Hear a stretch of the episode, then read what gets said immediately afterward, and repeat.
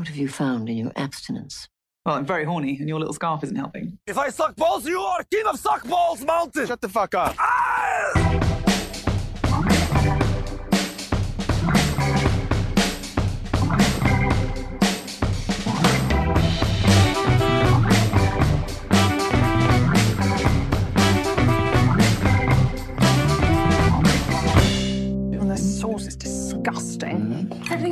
Was delicious. Thank you.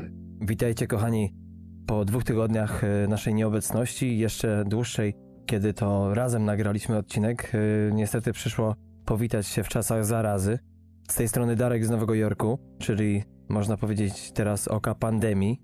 I Patryk Sagi z kraju, w którym wydaje się, że no nic się nie dzieje, nic się nie stało, praktycznie żadnych problemów, jaki wirus. Tak, Takie nastawienie jest tutaj ludzi rządzących, którzy po prostu uważają, że każdy ma się zarazić i to nawet nie jak inne kraje, które sądzą tak, ale nie są to oficjalne stanowiska. Tutaj to premier Ruter, który chyba jednak ma problemy z zasięgiem, mówi to otwarcie. przepraszam, to nieśmieszne. Strasznie się zastanawiałem, jak to u ciebie wygląda, bo świat reaguje różnie i co chwilę słyszymy tu, czy to właśnie o takich fenomenalnych wyskokach Borisa Johnsona, który zanim się zaraził, to twierdził, że najlepiej by było jakby jak największą ilość Brytyjczyków zarazić tym wirusem. E, Tych oczywiście w mm, grupie małego zagrożenia, żeby potem się uodpornili, ale potem chyba jednak doczytał broszurę, jak działają e, zarazy.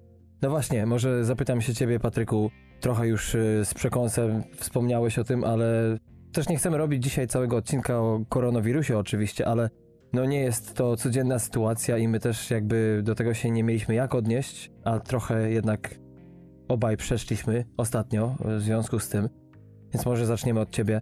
Jak to się rozwijało w ogóle w Holandii, wokół ciebie, czy jako osoba mieszkająca i pracująca w tym kraju, mm, jak to ty obserwowałeś?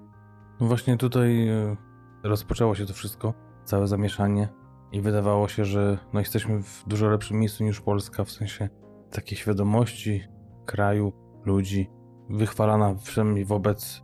Służba zdrowia tutejsza, nawet przez naszego polskiego ministra zdrowia, więc wydawało się, że jest super i z żoną rozmawialiśmy o tym, że chyba dobrze nie być w Polsce, bo jakby w Polsce się zaczęło, to byłby popłoch i wszyscy byliby popadli właśnie w jakieś paranoje, no ale tak się okazało, że tak szybko się rozwija ten wirus tutaj, że choć kraj jest mniejszy, ponad dwa razy niż Polska, to zachorowań jest, no tak z grubsza mówiąc, siedem razy tyle. O wow. Zatrważająca statystyka, która rośnie, około 240 osób, które są nieznane, jeśli chodzi o osoby zarażone, więc to w ogóle nie wiem, co to za statystyka, czy każdy kraj takie coś prowadzi.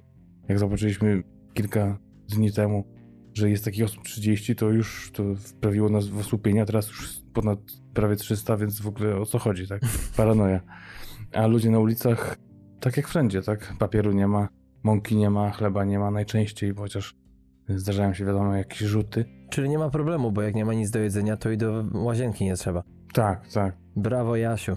Jak kiedyś mówiłem, jak wchodzę na dworzec centralny w Amsterdamie, to gdzie się nie obejrzysz, to inna rasa, inna kultura, to tak samo tutaj można teraz porównać do tego wirusa, że gdzie się nie obejrzysz, to inne nastawienie, dosłownie jeden Mhm. wchodzi na drugiego, a za chwilę ktoś w ogóle wyzywa drugiego, że podszedł na bliżej niż metr i są awantury, a zaraz znowu się odwrócisz, a tam znowu ktoś kogoś popycha i ktoś się gdzieś wpycha w kolejkę i no dosłownie metr przy metrze takie historie. Ja nawet wymyśliłem sobie taki rysuneczek, Mm. gdzie wiesz, jak teraz są te zasady, żeby półtora metra od siebie stać i też w kolejkach tak jest, pięknie wygląda do kas, tylko że kasy między sobą mają odległość więcej pół metra i na to już nikt nie patrzy. Tutaj nawet utrzymują po dwa metry, ale każda z tych osób, która jest przed nią po dwa metry, to jest blisko pół metra od tej, co jest obok z nią i koszykiem. I orkiestra dra i wszyscy oczywiście przestrzegają przepisów i o co chodzi, tak? Tak. No, ja słyszę te niesamowite historie od moich znajomych na Facebooku, czy właśnie od ciebie o tym, jak to europejski temperament wyłazi z nas w momencie, kiedy właśnie różne co się dzieją. Słyszałem w Polsce, niektórzy w ogóle nie ogarniają tego, że na przykład w sklepie, kiedy stoisz w kolejce do kasy, to te przerwy są dłuższe i podobno jak e, ktoś zostawił przerwę między osobą ją poprzedzającą, to ktoś im się wpakował w tę szczelinę kilkumetrową. No więc takie historie, ja jakby chyba jestem w malutkim takim bablu, bo nie zauważam tego, to znaczy raz, że sam ty już wiesz, ale prawdopodobnie ja przeszedłem już tego koronawirusa. Co prawda miałem objawy na tyle łagodne, że nawet oficjalnie zalecali takim jak ja zostanie w domu i po prostu leczenie się domowymi sposobami na totalnej kwarantannie, więc de facto nikt mnie nie przetestował, ale ostatnio nawet y, kilkoro znajomych z pracy odezwało się do mnie, że mają podobne jak ja objawy, które oczywiście nie prowadzą do gorączki czy tam wielkich problemów z oddychaniem, więc akurat to jest ta niska grupa ryzyka. Teraz już jak jest w miarę lepiej, to wieczorem wyprowadzam psa, no to muszę stwierdzić, że ludzie jednak zachowują tutaj te odstępy. Y, Z tego co słyszałem w sklepach też jednak są prawidłowe odstępy. Nie wiem, czy tam jest więcej niż pół metra między jedną kasą a drugą, ale to już osobna kwestia. Ale rzeczywiście, no tutaj ludzie pytają się mnie z Polski, jak to jest w Nowym Jorku. Moja mama to w ogóle, wiesz, klęczy godzinę co dnia w intencji za mnie. W ogóle nie powinienem był jej powiedzieć, że miałem jakiekolwiek objawy, ale ludzie no spanikowani są trochę słysząc to, co się w mediach mówi, czyta te statystyki, ale tak naprawdę powiem ci szczerze, że no to troszeczkę tak życie wyhamowało w sposób, w jaki chyba nie jeden chciałby, żeby zrobiło. Minimalna ilość samochodów się porusza ulicami, ludzie w ogóle jak już chodzą, to widać, że domownicy razem gdzieś na spacer, żeby kompletnie nie odbiło człowiekowi. To ktoś psa wyprowadzi. Takie historie, ale no w ogóle jest to bardzo dziwne doświadczenie. Powiedzmy tutaj to jest to oko pandemii w Stanach, ale tak naprawdę nie wiesz nic poza tym, kto coś wie z Polski na przykład, kto czyta Onet czy inne strony i widzi te liczby. I tak samo ja mogę ci powiedzieć, że ja kompletnie nie wiem, co się dzieje, ale za każdym razem, jak słyszę karetkę, to od razu wiesz, odzywa się w głowie dzwoneczek. A dwa, że to chyba jest pierwszy raz w historii, kiedy patrzenie na kogoś w telewizorze, kto w serialu czy w filmie dotyka twarzy drugiej osoby czule, budzi taką odrazę teraz. e, tak to jest właśnie, że no, sam się zastanawiam, jak to będzie, jak my w ogóle wrócimy do tej normalności, bo chyba trzeba będzie kilka rzeczy przemyśleć, nie? Na pewno podwoi się ilość mydła i innych detergentów w domach. Już o papierze nie wspominając. No właśnie też mówią o tym, że tak jak inne branże, jak tekstylne czy restauracyjne, chociaż te dowozowe to może jeszcze jakoś sobie radzą, ale te poza żywnościowymi, Mhm. poza tak zwanymi spożywczakami, to najczęściej upadają albo mają ogromne problemy, a te właśnie, które zapewniają i, i takie rzeczy, no w tych czasach jest tak, że nawet mały spożywczy ma przecież i mydło i papier, więc takie przybytki, które wydawałoby się rzeczą normalną, teraz są po prostu jak apteka, Mhm. po prostu przy ciężkiej chorobie. I tam też przecież to można kupić czasami a nawet bardzo często jakieś tabletki, więc te przeżywają jakieś kolosalne zyski i działają na zdwojonych czy jeszcze większych obrotach, a tak jak mówię, te wszystkie inne upadają. Mhm. Firmy się zamykają dosłownie z dnia na dzień. Nawet kolega też mówił o jednej z fabryk, które tworzy takie smycze na imprezy okolicznościowe. To dosłownie z najlepszego miesiąca w lutym ogłosili upadłość i zwolnili 40 osób w marcu, więc masakra. Wybacz ten żart, ale to troszeczkę na kontrze do intuicji, bo smycze okolicznościowe chyba jak nigdy teraz powinny być potrzebne. Ja na przykład widzę wokół siebie w tym moim y, malowniczym geteńku, że czy koronawirus, czy deszcz, czy śnieg, to i tak nic nie powstrzyma co niektórych od y, amatorskiej, wielce przyjaznej gry w koszykówkę. Także no, tak mi się wydaje, że chyba housekeeping to mamy ustawiony na miesiące.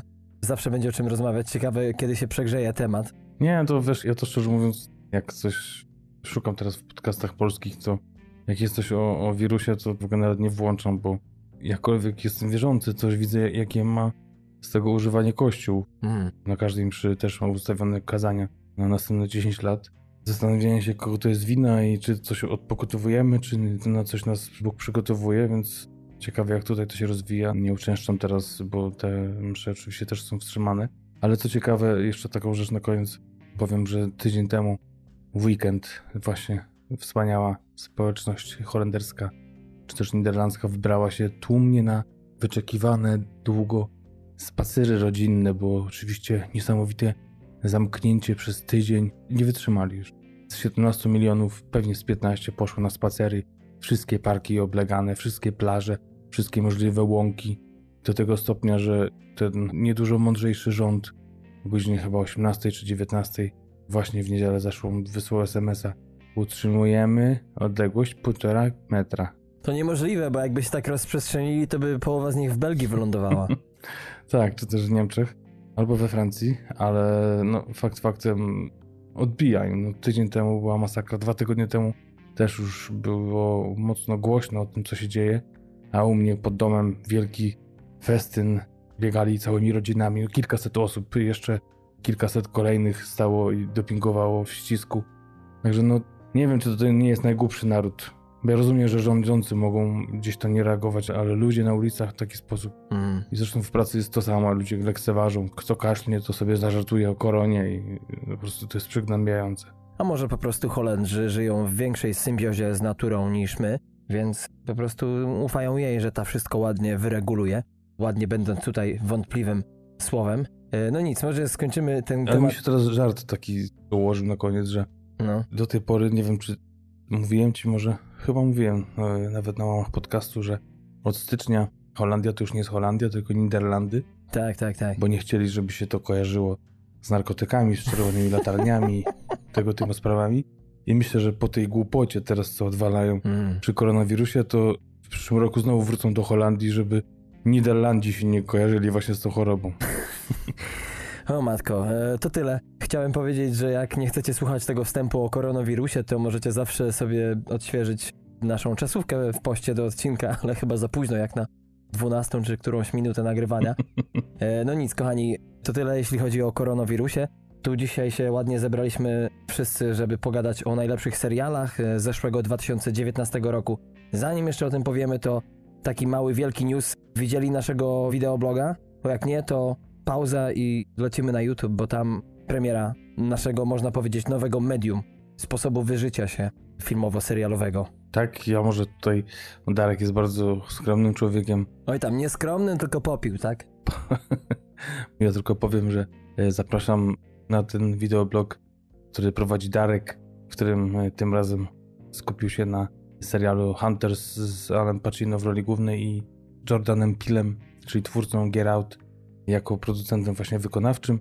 Zapraszamy na tego bloga, na naszego YouTube'a z bardzo fajnymi przebitkami wideo. W tym odcinku premierowym nie wspominam o tym, ale tutaj może być taki właśnie bonus, taka mała anegdota, że swego czasu chodziłem na przesłuchania do tego serialu. Potrzebowali kogoś, kto będzie grał więźnia obozu w Auschwitz, który tam uratuje babcię głównego bohatera, kiedy ona była w obozie. No i wszystko szło dobrze i rola prawie była już w kieszeni, jak nie w kalesonach. No i okazało się, że wtedy potwierdzono Ala Pacino, który zagrał jedną z głównych ról. No i okazało się, że ta postać, do której mnie przesłuchiwali, to akurat właśnie był młody Al Pacino, młoda postać właśnie z czasów Auschwitz. No i to już wiedziałem wtedy, wracając do domu po tym newsie z IMDb, że chyba casting pójdzie w drugą stronę. Ach, te polskie rysy. No ale nic. To tyle, jeśli chodzi o radosny, słodko-gorzki housekeeping dzisiaj. Mam nadzieję, że wszyscy w miarę dobrze się czujecie, że jakoś to znosicie te dziwne dni. No i że zostaniecie z nami i przesłuchacie nie tylko dzisiejszy odcinek, ale też i te, które być może mogliście byli opuścić przez y, natłok zajęć w ostatnich miesiącach, a teraz jest na to okazja. Tak jak wspomnieliśmy, najlepsze seriale 2019 roku. Jaki to był rok serialowy, Twoim zdaniem, w porównaniu nie tylko do filmów w tym samym okresie, ale przede wszystkim do roku serialowego zeszłego, 2018? No właśnie mam problem z tym, bo wiem, że w zeszłym roku mocno chwaliliśmy ten 18. Nie pamiętam jak to było, czy podsumowaliśmy 17 rok wcześniej. Tak, tak, były plany. Mhm. Ale po prostu to są dobre lata dla seriali, dobre lata dla produkcji pseudo-telewizyjnych. Coraz większe budżety, coraz więksi, lepsi twórcy, więc to chyba idzie po prostu w tym kierunku. I ciężko mi tak stwierdzić, czy to był lepszy rok, czy gorszy. Na pewno był po prostu świetny, kolejny świetny rok dla seriali. A musiałbym chyba zerknąć nawet na te swoje listy, jak to wyglądało Mm. bo tego nie zrobiłem, jak to było w tym w zeszłym roku. Po prostu uważam, że dużo lepszy jak, niż filmowy i chyba tak samo podsumowaliśmy to w zeszłym roku, że też ten serialowo Tak, tak. streamingowy rok był lepszy niż filmowy. No i chyba ta tendencja po prostu jest w tą stronę. No i przede wszystkim trzeba przyznać, że druga dekada XXI wieku to czas rozkwitu i to ogromnego formy, która się nazywa miniserią, bo oczywiście to nie jest nowa forma, już kiedyś były zazwyczaj ograniczone do trzech czy czterech po godzinę, ale no już od lat 60., 70. mieliśmy miniserię. Natomiast teraz to pojęcie lekko się rozszerzyło, jeśli chodzi o ilość odcinków. Często to jest po 8, po 10. Czasami nie ma kontynuacji, czasami jest niestety albo stety. No ale to jest właśnie to, co chyba teraz najlepiej wpasowuje się w zapotrzebowanie ludzi. Nie wiem, czy to myśmy tego potrzebowali, czy to po prostu twórcy tak sobie wymyślili, ale chyba jednak właśnie miniseria to jest taki piękny, równy dystans między właśnie filmem a serialem, gdzie można się bardziej skupić, e, przez co nie mamy do czynienia z 20-minutowym odcinkiem, który możemy obejrzeć do kanapki, tylko troszeczkę dłuższy, a jednak to nie jest jakaś epopeja. Właśnie też łatwiej takich mocnych przeciwników serialu namówić do tego.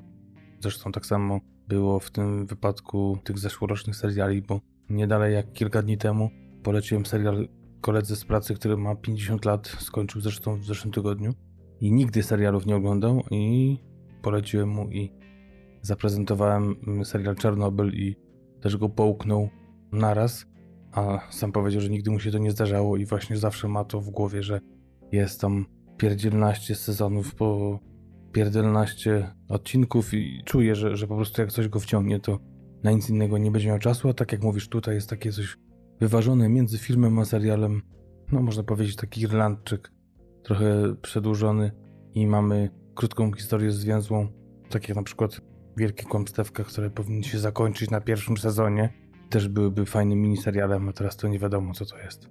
No a druga rzecz, która nie jest bynajmniej ułatwieniem, mm, jeśli chodzi o nawigowanie poprzez te wszystkie rzeczy, które teraz są dostępne w streamingu, to właśnie ich ilość, bo niestety ona się nie przekłada na jakość w taki sposób, jaki byśmy chcieli. Raz, że tych produkcji powstaje naprawdę multum, więc ciężko jest tak naprawdę no nie skupiać się tylko na tych największych tytułach i często ja z tego powodu właśnie w zeszłym roku, no oprócz tego, że musimy też mnóstwo czasu spędzić na szukaniu filmów do naszego podcastu, czy i często to też nie jest e, łatwa rzecz, bo sporo z nich okazuje się po prostu niedostatecznie łapiącymi nas za serducha.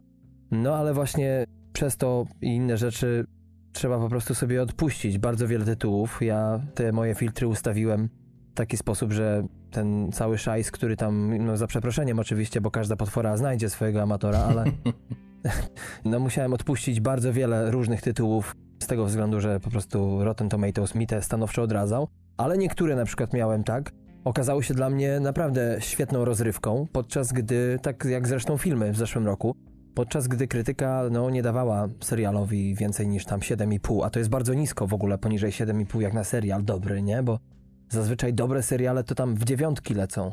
No takie na pewno powyżej 8, 8,5.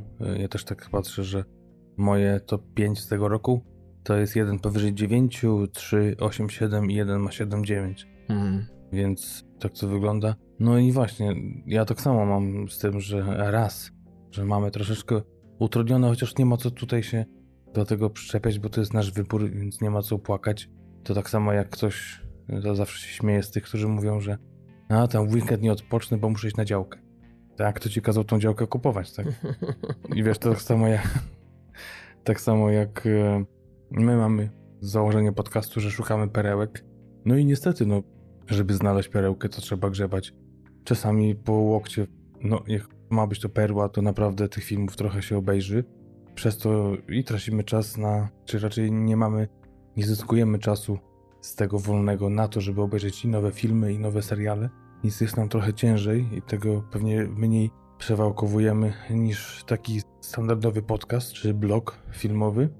I dlatego może właśnie te podsumowanie wypada nam już pod koniec pierwszego kwartału tego roku 2020, żeby też nadrobić jeszcze zaległości.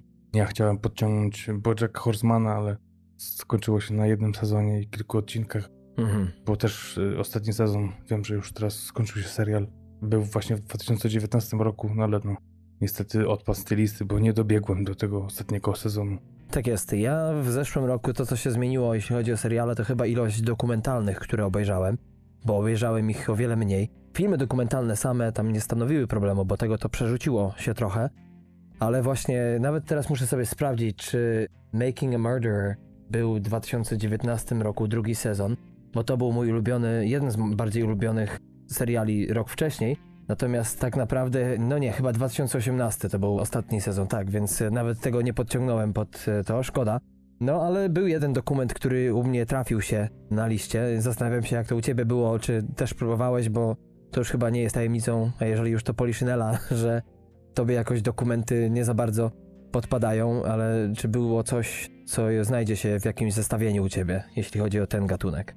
Pytanie retoryczne, oczywiście. Aha. Tarku, miło mi, że chcesz mnie rozbawić tu na początku odcinka. No nie wiem, wiem, że coś tam widziałeś na Netflixie i tak dalej, więc No tak. sportowego, niesportowego, widzę co tam czasami konto dzielimy, to wiemy. Wiesz co, próbowałem coś obejrzeć, ale ten serial sportowy to jednak, może mówisz o serialu takim obyczajowym o sporcie, to jednak to jest ten rok, więc tu nie ma o czym mówić. Chciałem spróbować ten serial o Formule 1, No. ale nie udało mi się. Mam go w takiej liście no, takich odżałowanych, że Mm. nie spróbowałem, bo od wielu osób teraz, szczególnie w tym roku już słyszałem, że to świetne dwa sezony, zresztą w drugim jest sporo o e, naszym Robercie Kubicy, tak. tak, tak. Ale nie, no, Making Murderer to też był serial, do którego chciała przekonać mnie żona, ale potem sama jej się to odwidziało, jak ta historia zac- zaczęła zataczać coraz to większe koła. Mm. Więc też sobie odpuściliśmy i wybitnie, no, jakkolwiek nie działają na mnie pełnometrażowe dokumenty, to tym bardziej za seriale się nie biorę, bo no nie wiem, coś we mnie pękło chyba. No trudno, no będziemy pracowali nad tobą. Natomiast y, no tak zagadnąłem pośrednio o tą formułę, bo widziałem właśnie u mnie tam w tej liście zakolejkowanej, że ktoś tam coś ruszał, coś rozgrzebywał, więc zawsze można sprawdzić. Natomiast y, zanim przejdziemy do naszego notowania, do naszych y, rozczarowań, naszych wyróżnień oraz piątki najlepszych seriali z zeszłego roku, jeśli chodzi o nasze indywidualne listy, to jest coś ostatnio, co ty podczas, w cudzysłowie, twojej kwarantanny, bo ty przecież żyjesz w Holandii, gdzie przepisy nie obowiązują i musisz chodzić do pracy, ale czy jest coś ostatnio, co mógłbyś polecić naszym słuchaczom, którzy są spragnieni czegokolwiek, co jakoś lepiej zapełni im czas a propos właśnie coś streamingowego? Tak. No właśnie a propos sportu i tego, co mogłeś pomylić z tym, co próbowałem rozgrzewać y, w ostatnich dniach, to jest premiera bodajże z zeszłego tygodnia The English Game na Netflixie. Z tego co wiem, to też jest w Polsce, która prezentuje początki futbolu, początki tego, jak to się zaczynało oczywiście w Wielkiej Brytanii, jak to zaczynało się od tego, że na początku była to tak zwana Liga Dżentelmenów, Dopiero potem, pod koniec XIX wieku, zaczęto wpuszczać e, zwykłych, w cudzysłowie, pracowników do tej gry. Na początku też śmieszne są takie kwestie, oczywiście porównując do tego, jak zaraz zarabiają piłkarze, że to przecież nieetyczne płacić piłkarzowi za grę. Trochę mnie to rozśmieszyło na samym początku serialu, ale no takie wtedy kwestie były poruszane i myślę, że bardzo ciepła historia, bardzo ciekawa i trochę taka też nawet wzruszająca. I te początki futbolu, nawet chyba dla niezbyt dużych fanów tego sportu, może być to ciekawa lekcja i historii, i po prostu tego też, jak się wtedy ubierano, jakie były różnice społeczne w Anglii przynajmniej jak to się wszystko zaczęło. Także myślę, że to jest ciekawa pozycja. Obejrzałem dwa odcinki, jest ich chyba sześć. To chyba bym polecił, jeśli chodzi o ten rok. Outsider to jest też coś, co próbowałem, nawet skończyłem, ale z ciężkim sercem jednak muszę powiedzieć, że chyba bym odradzał, chociaż oceny ma wysokie. Nie za bardzo to rozumiem. Obejrzeliśmy go z żoną na kilka dni rozłożony, ale no, nie pykło, że tak powiem. No mnie niestety też nie, nie wiem czy pamiętasz jak ci mówiłem w prywatnej rozmowie, że jednak to co mi przeszkadza to to, że ta kamera i sposób prowadzenia właśnie tego kadrowania to jest wszystko tak arthouse'owe, tak na wysokim poziomie, że mnie po prostu kompletnie nie interesuje historia.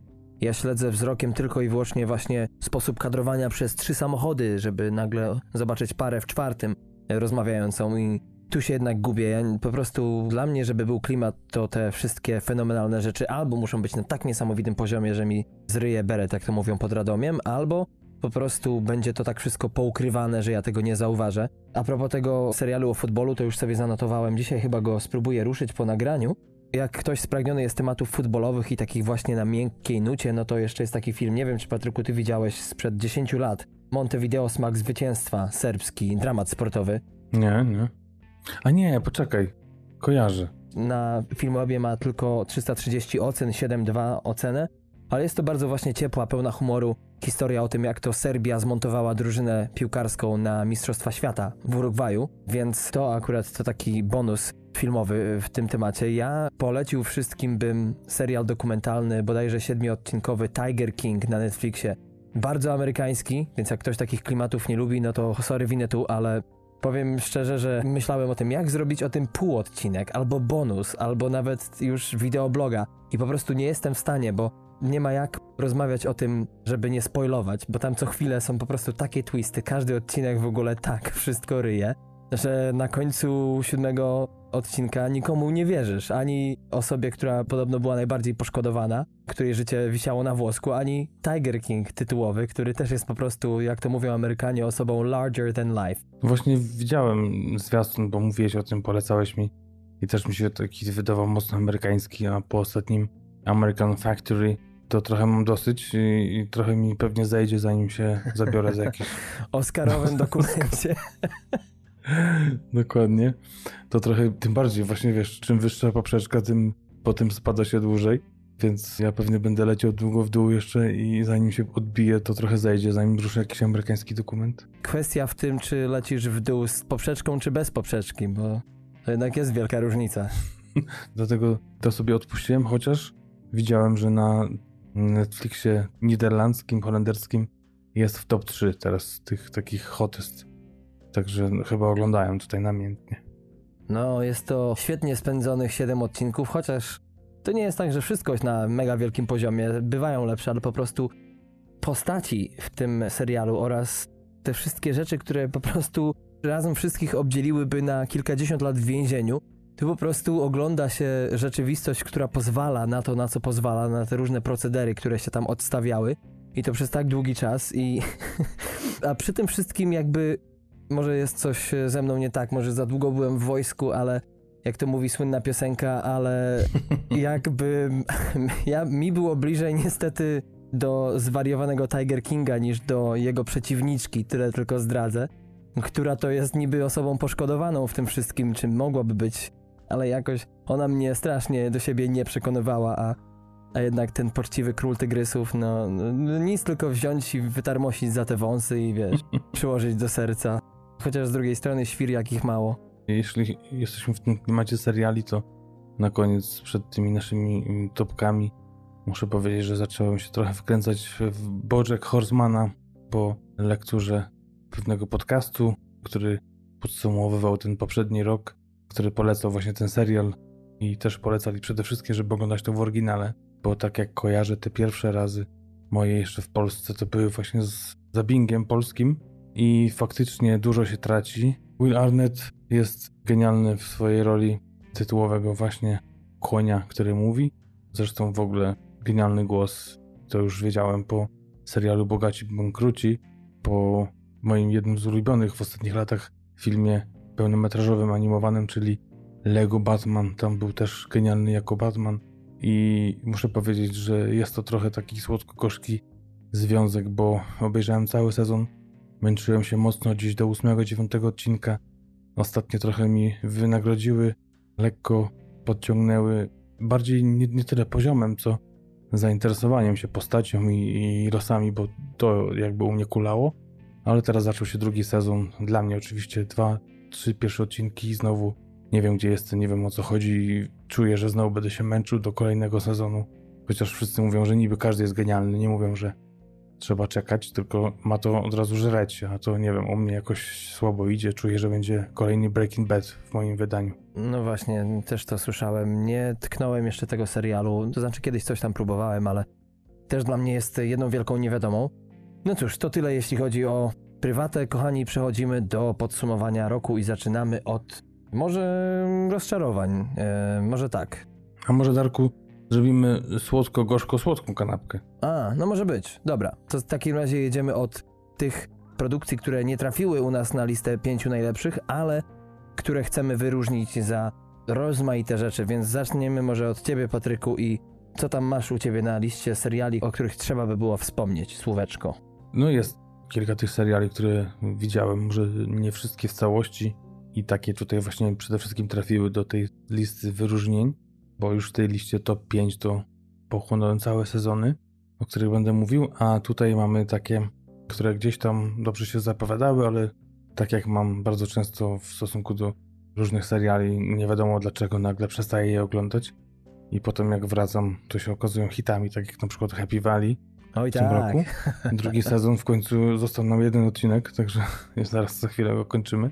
I tak to właśnie e, z tą moją listą wyróżnień następująco wygląda, że wyróżniłbym mocno trzeci sezon Stranger Things, Mhm. bo jakkolwiek nie jest to moja para kaloszy, w ogóle jako cały serial, to jednak i pierwszy i drugi sezon jakoś mi się fajnie oglądało. No, drugi był taki leciutko, może gorszy od tego pierwszego, ale pomyślałem, że no, akurat był jakiś chyba taki luźniejszy okres, bo tylko wtedy mogło mi się to przytrafić, że dobra, dam szansę Stranger Things trzeciemu sezonowi i Mhm. jak pamiętasz, też wtedy rozmawialiśmy, że mocno mnie zaskoczył tym, że w ogóle zmienił klimat trochę, bardziej od tego sci-fi poszedł w stronę ludzką, emocji, rozczarowań, uczuć Tak, tak. i bardzo fajnie tą stronę pogłębi postaci, po prostu zaczął charakterologią tych głównych bohaterów się zajmować i To znaczy, u mnie też w ogóle jest na liście wyróżnień trzeci sezon Stranger Things. To, co mi się podobało, chyba wtedy rozmawialiśmy o tym, że właśnie trójeczka to jest taki inny, bardziej przyjemniejszy bieg, nie? mhm, Kiedy ona lekko nieco zwalnia właśnie, jest bardziej dorosła. Nagle mamy właśnie mocno nieletnie osoby w bardzo dorosłych sytuacjach, kiedy obserwujemy te romanse i sprawy związkowe, słowa dorosłych właśnie wypowiadane ustami nastolatków. Fajnie chyba otworzył ten serial furtkę do czwóreczki i teraz po ostatnim teaserze sprzed kilku miesięcy do Stranger Things 4 wiadomo już, że akcja przeniesie się do Rosji, czyli można było się spodziewać, ale zmienimy troszeczkę ten klimat. Nie wiem czego się spodziewać po tym, ale ten teaser naostrzył mi trochę ząbki, bo jednak istnieje szansa, że tak jak Toy Story 4 udźwignęło ciężar pierwszych trzech, tak y, może i tutaj też okaże się, że będzie to fajnie domknięta seria, o ile no w ogóle poprzestaną na czterech sezonach. no tak, ja mam to samo zdanie. Też uważam, że to taka była fajna, dojrzała wersja tej młodzieży, którą znamy z pierwszych dwóch sezonów. Tak jak mówisz, ta zapowiedź rosyjskiego czwartego sezonu też jest dość atrakcyjna. Pewnie dużo będzie się działo, tam jest też e, duże pole do popisu.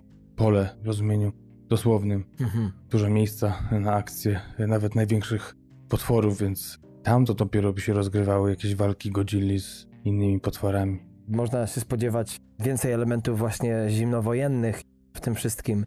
Pewnie trochę slapsticku, tak mi się wydaje, tego troszeczkę właśnie takiego Pewnie żartu z akcentów, z języka. Tak, tak, tak. Troszeczkę takiego nastroju campy, z którego w ogóle słynie nie tylko cała seria, ale też właśnie mm, seriale lat 80., dla których niejako właśnie Stranger Things jest hołdem właśnie dla tamtego klimatu telewizji amerykańskiej. A propos tutaj teaser wideobloga, co znaczy słowo campi, Darek tłumaczy, właśnie w tym wideoblogu też się dowiedziałem dopiero pierwszy raz. Fakt, że pewnie będziecie musieli przewinąć ze dwa razy, bo za dużo o tym nie mówi, ale jakoś to w miarę tłumaczy. Tak jest. Product placement będzie dzisiaj przez cały odcinek naszej nowej formuły. Tak. Ja do wyróżnień, jeśli chodzi o ten ostatni rok, na pewno dodam serial, można trochę powiedzieć kontrowersyjny, bo tych ocen nie miał za fajnych, ale jednak mi zrobił ogromnie. Paragraf 22, serialowa wersja powieści Josepha Hellera. Wcześniej w latach 70., bodajże dokładnie w 70 roku, powstał film w reżyserii Mike'a Nicholsa z Alanem Arkinem w roli głównej tu. George Clooney wyprodukował całą serię w roli bohatera głównego Josariana Christopher Abbott, który świetnie się wywiązał ze swojej roli. No i dla mnie była to tak mocno klimatyczna seria mimo wszystko. Tego zderzenia właśnie się z brutalną wojenną rzeczywistością i cały ten marazm, cała ta brutalność, a przy tym właśnie te żarty, ten lekki humor, troszeczkę właśnie takich sztubackich zagrywek właśnie, jakie to mają miejsce w wojsku. Wydaje mi się, że chyba nie pomogło temu serialowi to, że ludzie jednak znają książkę i za bardzo się sugerowali, bo ja już tak dobrze nie pamiętam książki, a ten serial jednak no strasznie mi zrobił. Świetnie zrealizowany moim zdaniem, spięty idealnie w 8 odcinków. To to jest to na mojej liście tych, których nawet nie liznąłem. No, w czymś się pokrywamy z obu biegunów. No zakładam, że się pokrywamy w ten sam sposób z serialem, o którym powiem teraz, czyli Watchmen, który ty znasz ze strony tej Mhm. noweli graficznej, a ja zupełnie nic nie wiedziałem, oprócz tego, że słuchałem pewnego podcastu, który przygotowywał widzów na doznania właśnie związane z tym serialem jeszcze przed premierą, gdyż wspomniany podcaster oglądał chyba cztery odcinki przedpremierowo i tak trochę mnie zachęcił do tego. Mi się udało obejrzeć bodajże sześć i muszę powiedzieć, że tak jak też nie jest mój klimat ten taki mocno komiksowy, to jednak te wszystkie twisty, te zaskoczenia, chociaż jednak oparte moim zdaniem trochę za mocno na jednym jednak temacie, czyli problemów na tle rasowym, to były takie fajne momenty zaskoczenia, jak to właśnie w serialach czy w produkcjach, które gdzieś tam mają elementy magii, czarnej magii czy jakichś iluzji. To mnie trochę wkręciło. Przede wszystkim rola Jeremy'ego Ironsa, zupełnie przeciwna do jego emploi, takiego crazy doktora, można powiedzieć, który robi dziwne eksperymenty gdzieś tam w oddali. Tak naprawdę na początku nie wiemy, gdzie on się znajduje, wygląda jakby w ogóle w innym świecie był. I to mnie też y, mocno wkręcało w ten serial. Trochę Regina Hall średnio mi pasowało do tej głównej roli. Nie wiem czemu, ale jakoś cała reszta fajnie się spinała. Don Johnson też, chociaż krótka rola, to też fajna.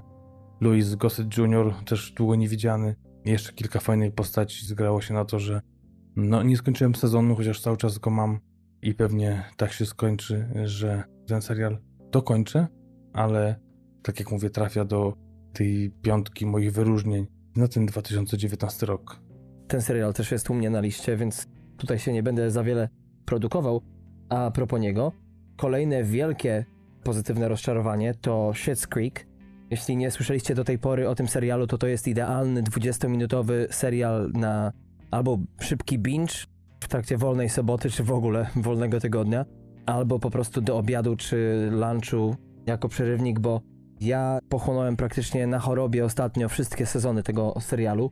I jak ktoś nie wie o co chodzi, to rodzina bogatych ludzi z Nowego Jorku traci wszystko, ale ostaje jej się jedna rzecz, którą władają. Jest to mała mieścina na skraju Ameryki i końca świata. No i właśnie rodzina Rose'ów zjeżdża tam i stara się jakoś ogarnąć swoją nową rzeczywistość, wpasować się, wydostać się z tej miejscowości. Jest to przede wszystkim popis duetu Eugene Leviego i Catherine O'Hary.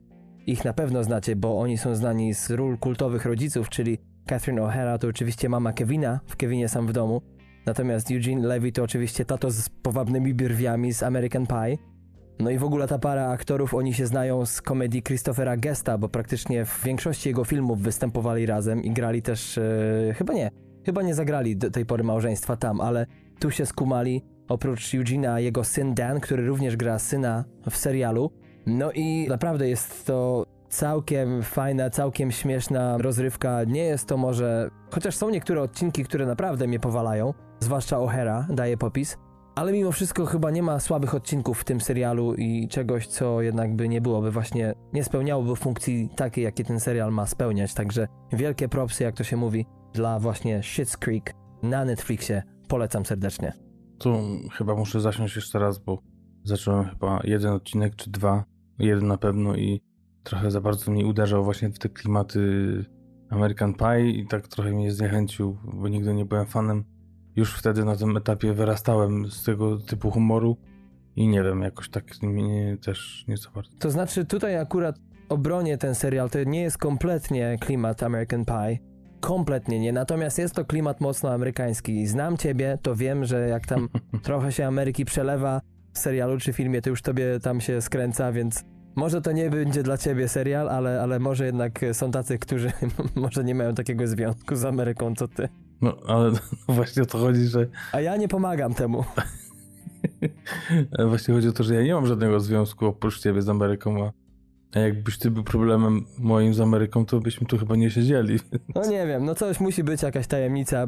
Co ciebie powiedz ujęło? Znaczy, wiesz, bardziej mi chodzi o to, że uważam, że większość tego humoru jest zrozumiała dla Amerykanów i jakby dla mnie ta amerykańskość polega na tym, że albo problemy są amerykańskie, albo poczucie humoru amerykańskie, które jest mniej dostępne dla innych nacji, a nie, że mam jakiś problem. Nie, no oczywiście żartuję sobie teraz, ciągnę cię tą, za tą stopę. Ale wiem, wiem. Ja kompletnie zdaję sobie sprawę z tego, że ja jednak trochę, chociaż nie do końca, przesiąknąłem właśnie tym stylem tutaj, czy w ogóle potrafię docenić to zupełnie inaczej niż mogłem był docenić 5-10 lat temu. Mhm, no właśnie. Tym bardziej, że też wsiąknąłeś w ten język. No tak, tak, a poza tym Na obronę swoją mam to, że często jak jest jakiś serial, można powiedzieć, bardzo amerykański, to się pytam na przykład dookoła ludzi, którzy znają mój gust, czy to mi się spodoba? Mówią, nie, nie, nie, to nie jest twoje. Nawet taki świetny serial jak The Good Place, który przecież bił rekordy Mhm. swoimi sezonami, niestety mi nie podszedł. To znaczy, nie mam nic przeciwko niemu strasznie, ale no tak siedzę i mówię, kurczę, kumam, ten humor jest śmieszny, ale bardziej bym wrzucił glow. No dokładnie, ja mam to samo z Good Place, też podchodziłem dwa razy, Glow raz, też mi nie podeszło, chociaż teraz przez taką mm, miłość trochę do Marona może zacznę jeszcze raz. Już nie mówiąc o Alison Brie, ale co, żona może słuchać, to, to wytnij to. Dokładnie. Wcale nie przeglądam jej konta instagramowego. Podeślemy inny RSS. Tak. Ale właśnie Good Place jest ten sam problem. I to samo właśnie mam z Bojackiem, że Mhm. właśnie powielanie tego samego cały czas. Na przykład w Bojacku jest to, że ktoś coś mówi i robi takie eee, i pokazuje nagle 10 minut później eee, i w ogóle to się przewija Mhm. w prawie każdym odcinku. I w ogóle ile razy to może śmieszyć? Dokładnie. To mam podobnie a propos ostatniego sezonu Big Mouth, ale to jeszcze mm, o tym, bo na innej liście jest, tak zdradzę, wyprzedzając nieco. Mhm. Mam taki serial, który jakiś wybitny nie jest moim zdaniem i też nic wielkiego, ale jednak włączyłem od tak i zostałem praktycznie do końca sezonu na raz. Prawie wszystko obejrzałem, czyli Sex Education na Mhm. Netflixie z Gillian Anderson, który po prostu był taką fajną odtrutką i trochę dziwne, że to amerykańskie, bo bardziej pod brytyjski klimat podchodziło. Tak, tak. Tu się Netflix popisał. Tak, ale bardzo fajne takie odświeżenie.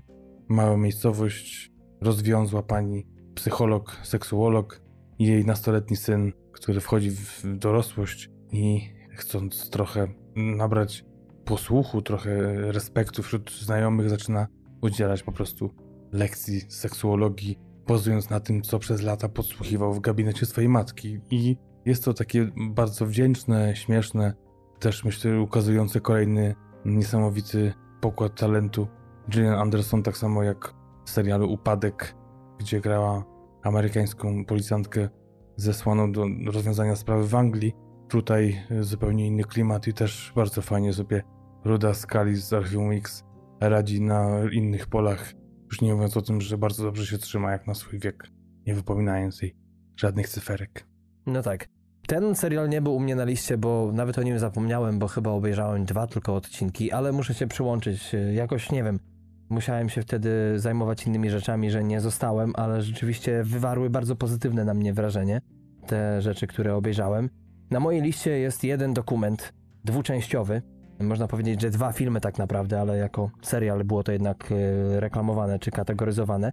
Finding Neverland, czyli czterogodzinny łącznie dokument o Michaelu Jacksonie, o jego imperium. No i właśnie tutaj chciałbym, dam ci zaraz dokończyć, ale właśnie powiedz coś, zachęć, bo mnie to tylko wzdryga, jak myślę o tym, że mam to obejrzeć, a jak jeszcze teraz mówisz, że on jest jakiś, na jakiejś liście wyróżnień, czy jest dobrym dokumentem, czy nie jest tylko ważnym, rozumiem, tylko dobrym, no to no, jestem zaciekawiony.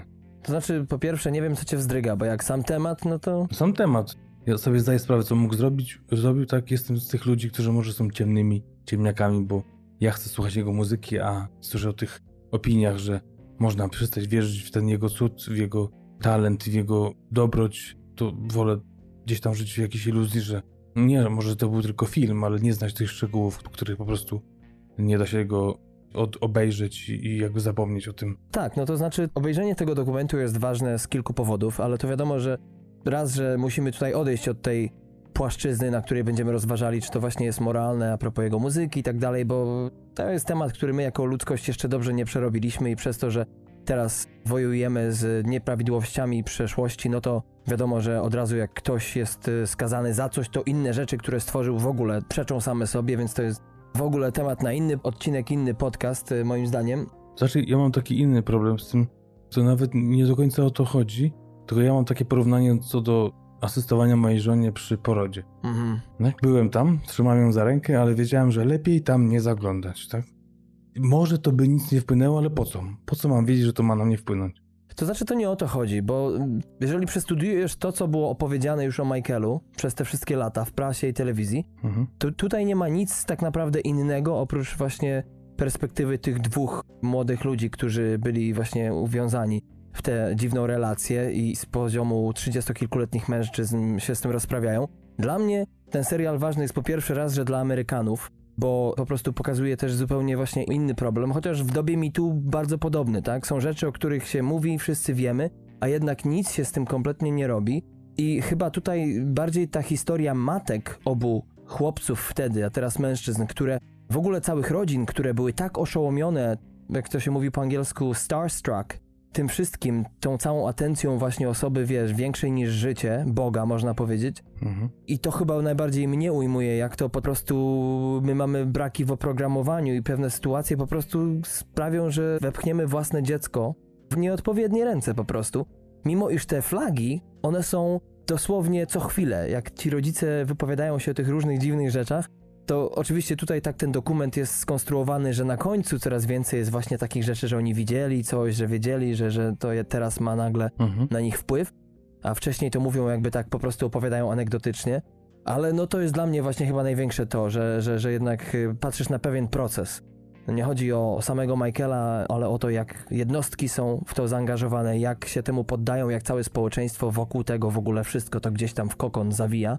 I mimo iż jest to właśnie na pierwszych stronach, czy poczcie pantoflowej się o tym mówi, to, to jednak y, potem się okazuje, że trzeba 20 lat, żeby w ogóle powstał o tym jakiś dokument. Po czym oczywiście połowa osób rzuci się w obronę Michaela, no i wyjdzie siwy dym, nie? Więc to jest kolejna sprawa. Mhm. Czyli przedstawienie bardziej tego jako jakiegoś procesu społeczno-socjologiczno-psychologicznego, to to jest tą siłą tego, tak? Tak, tak. Wszystko, jeśli chodzi o właśnie pewien proces powstawania tego zagadnienia i to właśnie jak to się odbywa właśnie w kontekście społecznym. To tyle mogę powiedzieć, tyle się naprodukować na ten temat. No okej. Co tam u ciebie jeszcze? Masz coś jeszcze z fajerwerków? Tak, tak, tak. Mam taki serial, sezon, no, który obejrzałem cały i który też mam jako wyróżnienie. Nie zmieścił się w piątce. Pewnie w dziesiątce, żeby był. To jest serial Detektyw, trzeci sezon, w którym to Mahershala Ali pokazuje swój talent w trochę innej, moim zdaniem, odsłonie niż w tych dwóch rolach oscarowych w ostatnich latach.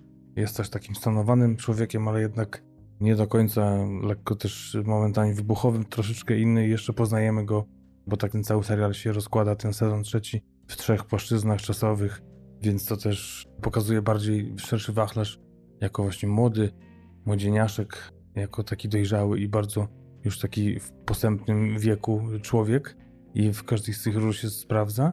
Moim zdaniem to jest tak jak wieszano psy na sezonie numer dwa. Nie wiem, czy kojarzycie, ale pierwszy sezon jest uznawany za wybitny. Tam grał Matthew McConaughey razem z Woodym Harrelsonem i to ponoć y, jest jeden z najlepszych seriali i sezonów w ogóle wszechczasów i potem drugi sezon miał bardzo trudne pole do popisu tutaj, żeby przeskoczyć albo przynajmniej wyrównać. Moim zdaniem podeszli do tematu z zupełnie innej strony. Ja wcale tak nie uważam, jak ci krytycy, którzy po prostu nie zostawili suchej nitki. Na tym myślę, że Colin Farrell, Vince Vaughn i też Rachel McAdams dobrze sobie poradzili, ale trzeci sezon jednak jest lepszy. Można powiedzieć, że z tych trzech na pewno drugi najsłabszy.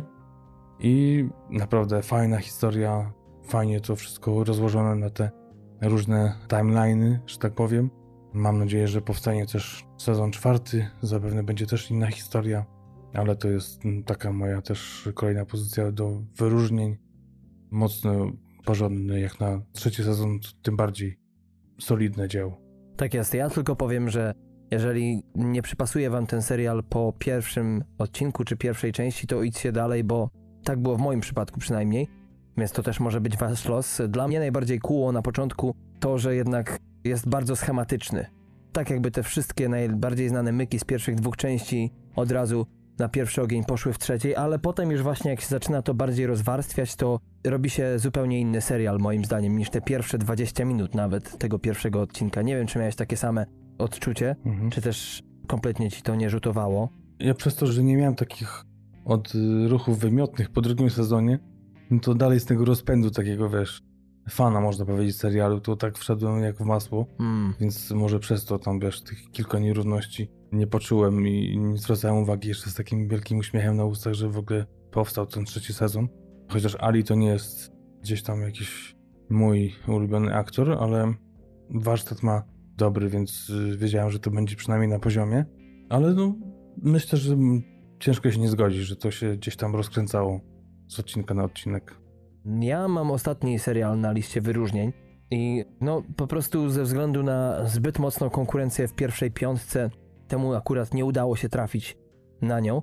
Natomiast no jest to taki numer 6 powiedzmy nieoficjalnie, czyli najnowszy serial Rickiego Gervaisa Afterlife na Netflixie, o którym zresztą zrobiłem, bodajże był to jeden z naszych bonusów, także zapraszam do niego. Natomiast y, Afterlife to jest po prostu bardzo mocno udana produkcja, bardzo brytyjska, ale też nie ma w tym za dużo takich zgranych motywów czy tego humoru, bo tak jak w przypadku na przykład serialu Barry, o którym jeszcze będzie później kolejny spoiler, tak w przypadku Afterlife wydaje mi się, że ten serial wyłamuje się z takiej konwencji właśnie komedii, nawet komediodramatu, bo to jest de facto komediodramat, ale potrafi robić takie fajne rzeczy właśnie z tym dramatem przede wszystkim, że rzeczywiście mamy tutaj wszystko. Mamy i sceny, motywy, które nas chwytają za serce. Mamy też, no można powiedzieć prawie, że stand-upowego Rickiego Gervaisa, znanego bardziej z jego YouTube'owych filmików z innymi znanymi gwiazdami kina. Mowa tutaj o tych krótkich sketchach, pewnie kojarzycie je, jak nie to polecam wyszukać. Natomiast z drugiej strony mamy właśnie naprawdę tutaj poryte momenty. Mamy momenty, z których się nie żartuje. I tutaj też z tego kompletnie twórcy nie polewają. Co więcej, po prostu bardzo wiele razy, zwłaszcza jest jedna taka scena, ale mamy do czynienia z wyborami, które po prostu są zero-jedynkowe. I wiadomo, że nie każdy z nich wyjdzie cało, i to po prostu jest dla mnie miód, ponieważ kiedy już się wygodnie rozsiądę w fotelu i, zabawię się troszeczkę tym humorem, to nagle potem potrafi mi nie coś tak strzelić po twarzy, i to najbardziej chyba doceniam w produkcjach, zwłaszcza komediowych dzisiaj. I wydaje mi się, że właśnie na tym punkcie Ricky Gervais naprawdę, naprawdę tutaj wygrał bardzo dużo. Przypomnę, że jest to serial o facecie, który traci żonę. De facto ona już nie żyje na początku serialu. No i po prostu facet musi jakoś sobie radzić z życiem i oczywiście do tego dochodzą różne inne perypetie, znajomości i tak dalej. No i jeszcze jest też cudowny psiak, więc to kolejny jest y, haczyk, żeby ten serial obejrzeć. No i w dobie właśnie natłoku takich filgodowych produkcji, jakie zalewają nasz rynek w ostatnich latach, to Afterlife tutaj naprawdę wybija się i to tak bardzo niezobowiązanie ponad średnią. Nie widziałem, ale ty nie widziałeś ostatniego mojego serialu, A, który bardzo, teraz tak dopiero dochodzę po tym, jak skupiłem się na tym, co mówisz o tym Afterlife. Zresztą pamiętam z przesłuchiwania odcinka bonusowego, który nagrałeś w zeszłym roku. To na bardzo podobnym klimacie, w bardzo podobnym tonie i zupełnie identycznej prawie sytuacji jest serial ostatni, który ja chciałem wyróżnić, którego obejrzałem tylko trzy odcinki. A to dlatego, że też jakoś pogubiłem się w tym, kiedy ten serial wychodzi, czy on jest naraz wypuszczany, czy jakoś tak było, że dwa odcinki obejrzałem, potem była jakaś przerwa, dopiero niedawno obejrzałem trzeci, ale myślę, że ma naprawdę duży potencjał i też oceny są nie najgorsze, więc to jest serial On Becoming a God in Central Florida, mhm. który dokładnie tak samo się strasznie zaczyna. Nie chcę tutaj spoilować, bo śmierć jednego z głównych bohaterów jest już na samym początku w pierwszym odcinku i też jest załamany właśnie współmałżonek, który musi sobie z sytuacją poradzić dokładnie, tylko oczywiście wersja amerykańska, też zupełnie inny klimat, trochę na, na szerszą skalę może ten cały serial idzie, ale nie jest taki, można powiedzieć, zaściankowy, ale jednak kobieta, bo to Kirsten Dunst wciela się w główną rolę, ona musi sobie poradzić po śmierci męża. Z tym, jak utrzymać rodzinę, bo to tutaj o to chodzi głównie, jak to wszystko pospinać razem. Dziecko ma bardzo małe i nagle zostaje sama. I jest to taki mocno też komedio, dramat, bardziej dramat niż komedia, ale dużo jest śmiesznych sytuacji, które wybijają w ogóle z rytmu i, i nadają takiego zupełnie nieoczekiwanego klimatu temu filmowi i myślę, że, że to też pozycja bardzo ciekawa. Troszeczkę mi podobna była dla mnie do Fresh Eggs, o którym mówiliśmy i oglądaliśmy razem Mhm. kilka odcinków, też takie, trochę właśnie taki klimat taki nowozelandzki, przynajmniej te klimaty też, w których mieszka główna bohaterka na tej e, Florydzie i myślę, że też po Fargo w drugim sezonie, gdzie Dance pokazała też swój talent, tutaj jest kolejny przykład na to, że potrafi uciągnąć nawet cały serial sama na własnych barkach. Taka trochę, nie wiem czy to specjalnie czy nie, ale lekko przy masie, ale to chyba taka powinna być nawet jak była taka z natury, to tu też się przydały takie programy, żeby pokazać właśnie taką pełną krwistą postać. Tak jest. To znaczy ja powiem tak, e, obejrzałem pierwszy odcinek i też potem właśnie nie ogarnąłem e, kuwety, natomiast rzeczywiście zarówno ten Tiger King, jak i właśnie Kirsten Dunst, jak i na przykład też e, film, o którym już ostatnio mówiliśmy z Willemem Dafoe, czyli Florida Project, to są bardzo realistyczne rzeczy. One w bardzo realistyczny sposób odtwarzają specyfikę właśnie Florydy. Mimo iż Tiger King to jest serial dokumentalny, a tu mamy do czynienia z filmem czy serialem, to jednak mimo wszystko właśnie, no ja też może nie bywałem może zbyt długo na takim zabitym dechami południu, natomiast trochę jednak się tego naoglądałem, podróżując tu i ówdzie z wschodu na zachód i od razu jak tylko widzę pierwszą scenę, to już jestem tam. Po prostu Amerykanie mają na tym punkcie... Amerykanie po prostu potrafią się perfekcyjnie zestroić z tematem i odtworzyć go, można powiedzieć, co do joty. A Kirsten Dunst gra jedną z ról życia, moim zdaniem, przynajmniej po tym pierwszym odcinku. Nie dość, że świetny casting, to jeszcze, no rzeczywiście, wygląda, wypisz, wymaluj, jak e, jej postać. No i to chyba tyle Tak, wsio. z tego pierwszego słodkiego etapu naszego dzisiejszego Top 20. Teraz pora na reklamę. Oglądaliście naszego vloga? E, E, Hunters, producent wykonawczy Darek, scenariusz Darek, kaszkiet Darek. Tak, e, rachunki żona płaci. A teraz przechodzimy do bubli roku 2019, jeśli chodzi o seriale. U mnie tych bubli, powiem ci, jest 3,5. Właśnie ja przejrzałem te poprzednie lata, że taki bubel był jeden. U mnie w 2017 No. trzy były w zeszłym roku. Przepraszam, dwa, a w tym roku cztery, więc jest no, niby te lata lepsze, ale nie wiem, czy ja po prostu więcej seriali oglądam, czy więcej mi się nie podoba, a z drugiej strony też więcej mi się podoba, Mhm. ale tak to jest, że ta lista tych rozczarowań rośnie z roku na rok. Ja może zacznę od mojej połówki i przejdę do trójki, bo nie chcę się na temat połówki zbytnio rozwodzić, ale pamiętacie może taki, bodajże to był półodcinek, jak nie bonus, kto już teraz to zliczy, który zrobiłem o serialu The Tick, o pierwszym sezonie Człowieka Kleszcza, który mnie kompletnie ujął i który był taką indie odtrutką na właśnie te już takie do bólu przegrzane tematy, jak właśnie superbohaterowie, czy to w serialu, czy w filmie, zwłaszcza w filmie. Więc to mi się bardzo podobało, sposób w jaki wykorzystali minimalny budżet, żeby no jakoś to wszystko posklejać, te wszystkie efekty specjalne. Niestety sezon numer dwa był tak rozlazły i tak o niczym pierwsze dwa, trzy odcinki, że niestety nie dokończyłem, dlatego daję tylko właśnie połówkę taką tutaj. Nie wiem, czy to dalej się potoczyło lepiej, czy nie, ale niestety zabrakło mi energii. Bubel numer 3 od końca to Big Mouth, sezon trzeci. Nie kojarzycie tytułu, no to na Netflixa, kochani, to jest seria animowana Nika Krola, który stworzył, można powiedzieć, dość wulgarną bajkę, opowieść na temat dorastania i oczywiście głosy dzieci podkładają tutaj dorośli. Muszę powiedzieć tak, bardzo podobały mi się pierwsze dwa sezony. Nie wiem, który był lepszy dla mnie. Można nie kupować tego humoru, więc od razu wiem, że jak ktoś nie lubi przeklinania w ogóle, nawet po angielsku czy chińsku, to nie podejdzie mu ten serial. No i też niektórzy zarzucają temu serialowi to, że jest naprawdę tak zbereźny i tak wulgarny, że to w ogóle jest jeszcze dla dzieci, chociaż to nie jest bajka dla dzieci, to jest dla dorosłych i jak ja pamiętam swoje czasy podstawówki, to my też o wiele lepszego języka nie używaliśmy.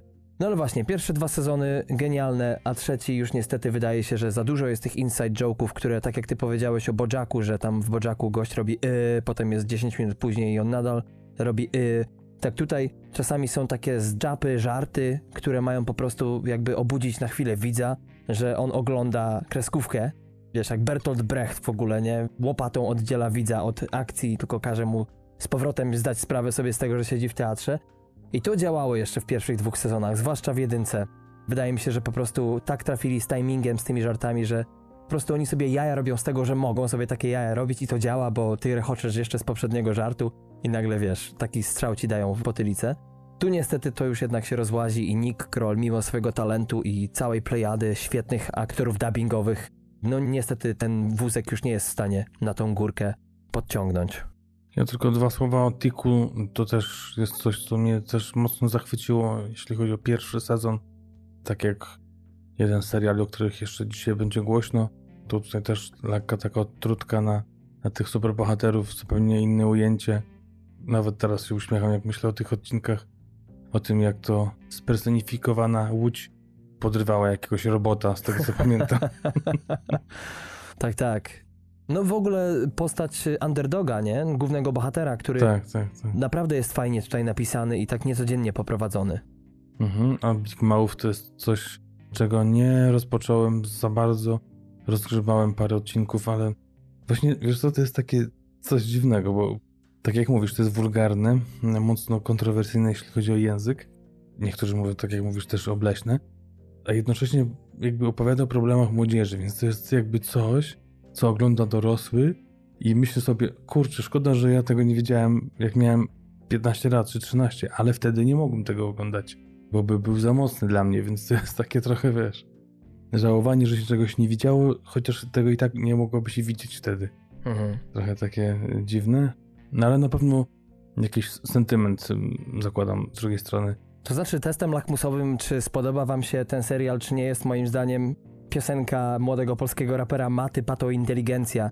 Jeżeli ta piosenka wam się spodoba, bo po prostu nagle zobaczycie w jaki sposób bohaterowie, czy bohater tej piosenki myśli w ogóle, jak widzi świat i jak ten świat stara się uzewnętrznić, dobrze czy źle, to tam już osobna kwestia. Jeżeli przełkniecie to i nawet wam się to spodoba, to Big Mouth jest dla was, a jeżeli stwierdzicie, że to jest jakieś widzimisię i chory pomysł twórców, Chory bełkot. Dokładnie. Wtedy, no niestety, ale nie przejdzie wam żaden sezon tego Big Moutha. Chociaż może się mylę, może akurat pato inteligencja nie ma tutaj, no nie ma za bardzo, bo to liceum, inne tematy, ale mimo wszystko. Tak chciałem tylko zażartować se. Bubel numer dwa, Patryku? Czy tam któryś ile? Nie wiem, ile tych masz. Cztery mówisz, tak? Ja jeszcze nie zacząłem o swoich, a ty już powiedziałeś o dwóch. Aha, no dobrze, czekaj, rozpędzam się za bardzo, oddaję pole. Z racji ciężkiej sytuacji w Nowym Jorku, to wybaczam. Dziękuję. Zatem u mnie, to może nie ma tutaj na tej liście od 1 do 4, ale jest, są to cztery pozycje. I pierwszy to Raimi, czyli pierwszy sezon serialu, który jest po prostu muzułmańską wersją Atalanty. Mhm. Chociaż tam trochę w losy bohatera zamieszane były sprawy muzyczne, jakieś kariery, więc tam było coś, do czego można było się przyczepić jako takiej, oprócz tego, że obserwowaliśmy perypetie głównego bohatera i jego przyjaciół, takie na co dzień to było coś pobocznego. Tutaj z drugiej strony w Remim jest to, że jeżeli lubicie poznawać nowe religie, no to może to jest to, tak? Ale oprócz tego żadnego motywu przewodniego nie było. Praktycznie moim zdaniem wszystko było skopiowane, wszystko jechane na jednym stereotypie i dla mnie w ogóle nieśmieszne pokazywanie po prostu rodziny muzułmańskiej w Ameryce. Młody chłopak, który nie może znaleźć dziewczyny, chce znaleźć inną niż taką, która mu po prostu rodzina narzuca, więc tak przejedane kotlety w każdym serialu, czy to jest o rodzinie chińskiej, czy czarnoskórej, czy właśnie teraz muzułmańskiej, że to po prostu odgrzewany kotlet na x razy i to nie smakowało mi zupełnie. Chociaż ocena na IMDb to 8.0. Obejrzałem nawet chyba 5 odcinków, się zmusiłem do tego. No nie, no To znaczy, z tym serialem jest taki problem, jak już teraz nie pamiętam tego amerykańskiego, innego serialu, który jest odgrzaniem Party of Five, takiego słynnego serialu z lat 90., jednego z moich ulubionych w ogóle, ever. I tutaj też mamy właśnie chyba, o ile pamiętam, to hinduską rodzinę, czy azjatycką, jakkolwiek. I no też jak ktoś obejrzał Party of Five, to niekoniecznie już odgrzewanie kotletów, nawet w innym kontekście kulturowym, go tutaj weźmie. Natomiast to może być taki problem właśnie, że niektórzy może nie widzieli albo nie macie nic przeciwko, to ten Raimi na, do was trafi, ale, ale jakby mi też ta Atlanta zbytnio w głowie istniała. I jeszcze mamy też Master of None. Tak, Dokładnie ten sam przykład. Też spotkanie z rodzicami, tak, tak. że tylko namawiają, jesteś nikim, musisz być kimś. Także to jest duże rozczarowanie, chociaż z tego co kojarzę, to mnóstwo nagród zebrał, nawet główny bohater też, któremu ciężko odebrać urok osobisty i to, że sobie nie radzi, ale no fabularnie po prostu serial kuleje, jeśli chodzi o oryginalność. Tak, to raz, że mało oryginalny, a dwa jego postać trochę jakby sklonowana z Parks and Rec i tam już chyba go wolałem bardziej. Natomiast tutaj jakby w tym serialu on przedstawia tak to, co wiemy, tak, w każdej, zwłaszcza azjatyckiej czy hinduskiej kulturze rodzice zawsze chcą, żebyś był prawnikiem albo doktorem, tak, natomiast ten konflikt już jest od razu oczywisty i wiesz, o czym będzie kolejny żart i o czym będą kolejne spiny międzypokoleniowe na przykład. Także to tyle o Raimim. Jak już ty podałeś dwie swoje produkcje, to ja pojadę jeszcze jedną. Wielkie kłamstewko, sezon drugi. Totalne nieporozumienie. Buu. Było o tym już w podcaście. Nawet zrobiłem na swoim koncie taką dłuższą wypowiedź na Filmwebie. parę osób się zgodziło, parę nie, no ale jednak większość chyba przyznała mi rację, że do tej historii zamkniętej całościowo nagle dopisano coś, co po prostu jest y, żenującym przedłużeniem po prostu wypłat y, wszystkich twórców, którzy załapali się po wielkim sukcesie pierwszego sezonu i dalej kontynuowali pobieranie gaż za drugi sezon. Taki to był sukces, że przyciągnął nawet Meryl Streep. Wydawało się na początku nawet, bo też o tym mówiłem i też pisałem, że po pierwszych dwóch, trzech odcinkach, że może coś z tego być, ale jednak po tym w tak w ogóle chore strony rozeszły się te wszystkie podróże naszych głównych bohaterek, tak dziwne zakamarki, które w ogóle nie miały związku z pierwszym sezonem i w ogóle fabularnie się nie zgrywały, nie spinały z niczym, że po prostu dla mnie jedna wielka żenada i, i szkoda, że w ogóle ten drugi sezon powstał. Teraz się nie dziwię, że właśnie twórczyni serialu, która napisała nowelę, na podstawie której powstał ten serial, zapierała się nogami, rękami, ale jak stacja HBO wyłożyła takie ogromne pieniądze, to co miała zrobić? Trzeba było się schylić i je podnieść. Tak jest, z dolarem jeszcze nikt nie wygrał. Ja sobie dałem spokój z drugim sezonem kłamstewek w połowie, bo oprócz tego, o czym mówiłeś, nie mogłem więcej oglądać, jak to Meryl Streep po prostu nakrywała czapką wszystkie inne aktorki w tym serialu. I tutaj zwalę to wszystko niestety na scenariusz, a nie grę aktorek. Po prostu one nie miały nic do grania w zasadzie w porównaniu do Meryl Streep, która miała tutaj pełno krwistą postać. U mnie bubel numer dwa to gra o tron, chociaż zaznaczam, że to nie było takie wielkie, wielkie rozczarowanie.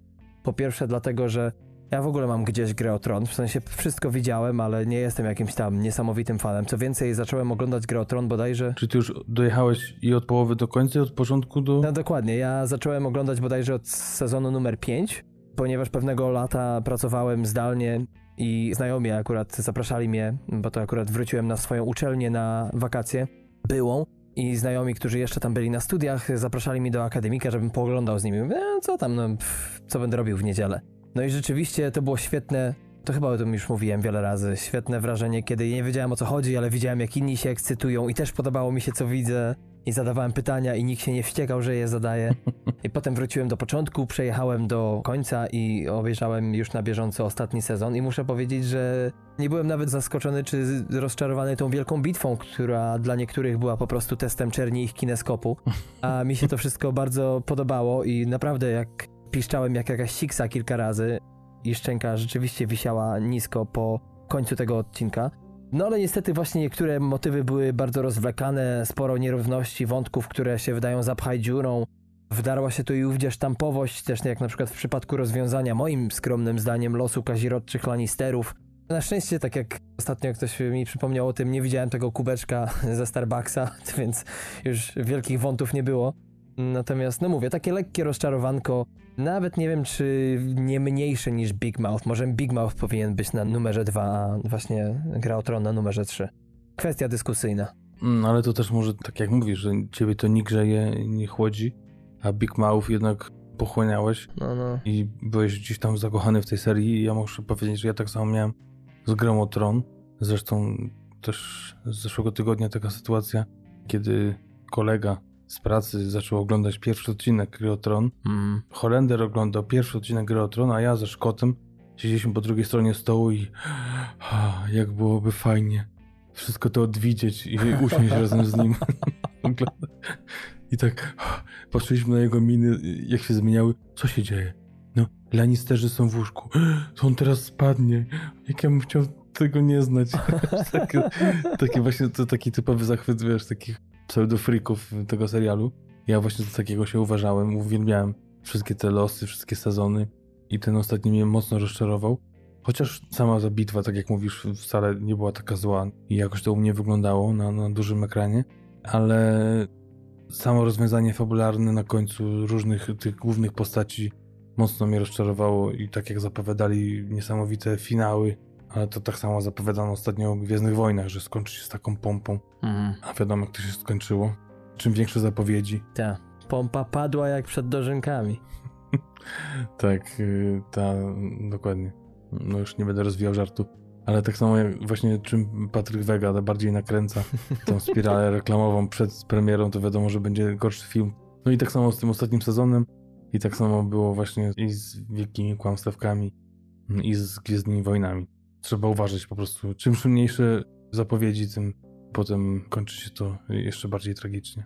Tak jest. A, a propos Patryka Wegi, to podobno ostatnio wyznał, że kręci teraz film, asystent reżysera to koronawirus. Natomiast no nie spodziewam się, że kolejny wielki film naszego mistrza. Natomiast dla mnie bubel numer jeden, pozwolę tobie skończyć buble, bo sam jestem ciekaw, co tam u ciebie... Nie wiem, czy to był u ciebie największy. U mnie największym bublem zeszłego roku zdecydowanie Wiedźmin. O Matko Boska. Znaczy ja rozumiem, że wyczekiwaliśmy długo na zekranizowanie naszej epopei, można powiedzieć, nie? Sagi Sapkowskiego, nasz towar eksportowy, gra komputerowa bije rekordy, wszyscy nie mogą się nachwalić tej produkcji. No i tutaj nagle mamy co? Profesjonalnie zrealizowaną historię z przepięknie odtworzonymi realiami tych światów. No i pośród tego mamy mruszącego gościa, świetnego aktora swoją drogą, którego naprawdę po prostu nie mogłem kupić przez pierwsze 3-4 odcinki. Wielkim problemem tej produkcji jest to po prostu, że ona istnieje na tle tych, które się udały przed nią, bo możemy tutaj na palcach jednej ręki policzyć sztampowość dialogów. O matko. To było chyba największym problemem. Już nawet nie to, że ja się gubiłem co odcinek pięciokrotnie w tym, co się dzieje, kto, gdzie, z kim i dlaczego. Wiadomo, ja nie przeczytałem e, książek Sapkowskiego, się przyznaję, nigdy to nie były moje klimaty. Ale usiadłem i stwierdziłem, kurczę, zobaczę, no o czym to wszystko będzie.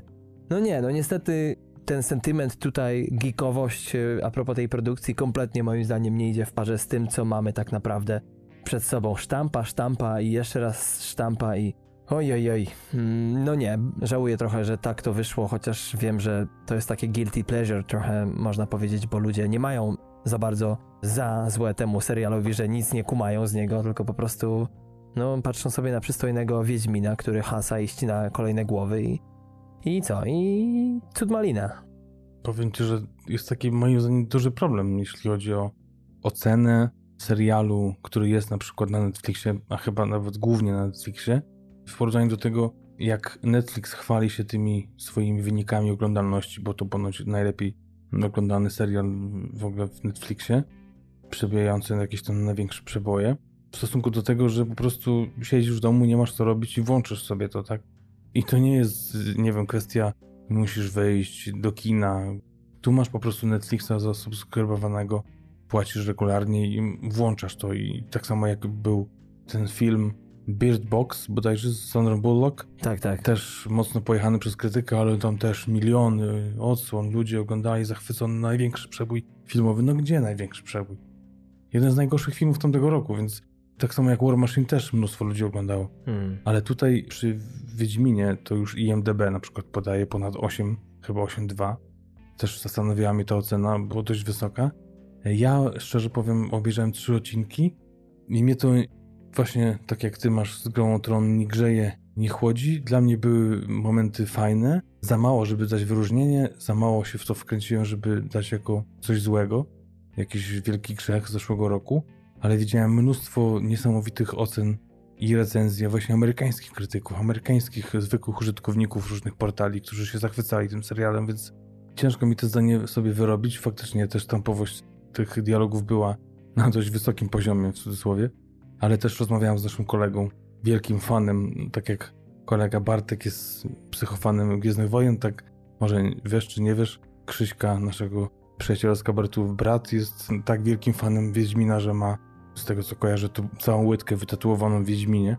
Więc on w ogóle wszystkie gry, wszystkie książki przeczytał i on należy do tego obozu co ty. On też mocno zawiedziony jest. Aż to będę musiał Grzesiowi uścisnąć łapkę, jak go zobaczę, bo, bo no zaskoczony jestem, że taki psychofan, psychogik e, może jednak mieć taką bardzo na kontrze do gawiedzi pospolitej opinię powiem ci szczerze, nawet przez mi przeszło, czy nie byłoby fajnie zrobić z nim wywiadu, bo gdzieś tam spotkaliśmy się przy piwie i taka rozmowa była o wszystkim i o niczym. Nagle weszło wszystko na temat Wiedźmina, nagle mi pokazał ten tatuaż, to już wiedziałem, że to jest psychofan. Dokończyć piwo i... Ale jak mówię o tych szczegółach fabuły, że tutaj skrócili, tutaj za duży skrót myślowy, tutaj przyspieszenie akcji, klimat się nie nabudował, bo musieli wprowadzić bardzo szybko jakąś jedną postać, bo nie wiadomo, czy będzie drugi sezon, teraz to wiadomo, ale wtedy nie było wiadomo, mm. więc trzeba było tam prowadzić tą bardzo kluczową postać już na początku, ona była na końcu, czy w środku, z tym nie problem. Ogólnie nie wieszał jakichś strasznych psów na nim, ale jednak miał duże zarzuty i generalnie uważał to za pozycję nieudaną, ale tak jak ja mówię, że myślę, że, że chciałbym to dokończyć, ale to w ogóle nie mój klimat i, i nie wiem. Chcę, ale nie mogę. Tak. A co u ciebie domyka listę psiurów? No właśnie, to nie jest tak, że to jest psiur roku, tylko coś, na co sobie ostrzyłem pazurki, oglądając cały pierwszy sezon, który troszkę mnie wynudził, ale zapowiadali wszyscy wokół i Globy, i Emmy, i wszystko, że gwiazdy się tak układały, że ten drugi sezon jest tak genialny Mhm. i to jest serial Sukcesja. Brian Cox, który dostał pierwszego w swojej karierze już ponad 70-letni mm, facet Globa właśnie za ten serial. Brat Macraya Kalkina też tam zabłysnął i też już tak jak za pierwszy, tak za drugi sezon otrzymał nominację do Złotego Globa. I też oceny na IMDb mówiły o tym, że drugi sezon jest genialny, więc szybko chciałem nadrobić właśnie przed tym naszym podsumowaniem roku pierwszy sezon, który był z 2018, żeby od razu zakończyć ten 19. No i niestety rozczarowanie, przede wszystkim największy zarzut zupełnie, ale kompletnie do żadnej osoby, do żadnej postaci nie potrafiłem się przywiązać, nie potrafiłem żadnej ze stron kibicować, no może pani Dagmarze Domieńczyk Mhm. kibicowałem, bo to nasza asystentka właśnie głowy rodu z bardzo fajnym, myślę, że może nie idealnym, ale bardzo fajnym akcentem, jakby bez akcentu grająca aktorka, żona Patryka Wilsona, który, no zakładam, że pomógł jej dostać się do tej produkcji, ale bardzo ciekawa postać i zresztą nie gra, bo niby gra Karolinę, ale nie właśnie amerykańską wersję Caroline, tylko po prostu do, do niej mówią Karolina, więc polskie imię ma i wszyscy do niej tak mówią co śmiesznie brzmi przy tych wszystkich amerykańskich imionach i nazwiskach. Chociaż nazwisko jej nie jest wypowiedziane, więc nie wiadomo, czy ma jakieś polskie, czy inne. Ale tylko to jest z tego względu, że to Polka, a cała obsada dla mnie. Jedna relacja takich dwóch underdogów była genialnie zagrana, ale to mógł być dobry chyba spin-off, albo jakby bardziej na tej relacji się ten serial zahaczył. Mamy tutaj głowę rodu, trzech synów i córkę, którzy walczą o przejęcie tej całej fortuny medialnej, którą zarządza ojciec, który ma przejść na emeryturę, jednak nie odchodzi, a jednak ma wybrać kogoś na swojego zastępcę i każdy gdzieś tam się przewija. I właśnie ta najlepsza relacja to jest mąż tej córki i taki bratanek powyżej dwóch metrów, y, chłopak zresztą bardzo sympatyczny, który nagle się gdzieś tam trafia.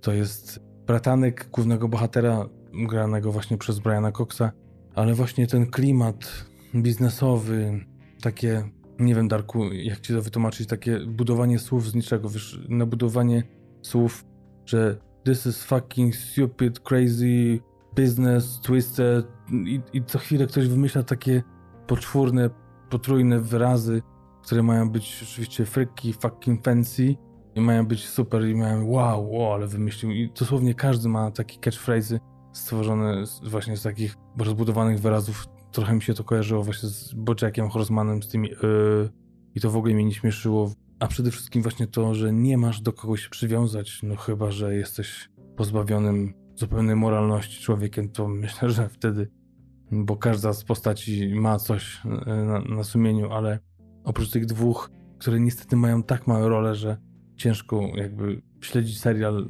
patrząc tylko nie wybierając sceny z nimi, więc y, to mi bardzo ubodło.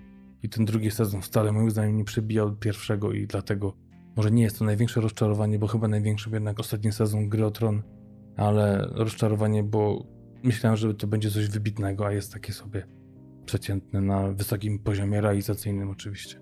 Tak jest. No i to chyba tyle a propos tego. Nic dodać, nic ująć. Ja drugiego sezonu nie widziałem. Pierwszy był niezły całkiem i słyszałem same w niebo głosy o tym drugim sezonie, no ale jednak e, też sporo głosów przeciwnych, e, w tym twój. Mm, No i co, przechodzimy do najlepszych seriali z zeszłego roku, najlepszej piątki. Może skoro tak ładnie zakończyłeś e, rozczarowanka, to może zacznijmy od twojego numeru 5. Co tam u ciebie wylądowało, co zmieściło się na tej szczęśliwej liście? To jest też taka dość wyjątkowa produkcja, zupełnie nie, nieoczekiwana. Russian Doll, A, ładnie. czyli też propozycja Netflixa, która porwała mnie od pierwszych sekund. Ta niesztampowa, zupełnie oryginalna konstrukcja odcinka o tym, że cały czas wracamy do takiego dnia świstaka, Tak, tak. głównej bohaterki i, i to, jak ona próbuje sobie ułożyć to życie. co chwilę, no tu nie ma co dużo spoilować, umierając i wracając do tego samego punktu. Przegenialna po prostu rola Natasza Leon i w ogóle całej obsady, poczucie humoru, wszystko na takim relaksie, taki bez spiny. Niesamowity, też mocno dramatyczny serial, mocno komediowy, genialny miks tego wszystkiego, plus bardzo wyraziste postaci, fajna też y, kamera, tak niezobowiązująca pozycja, że aż zobowiązuje, może tak powiem.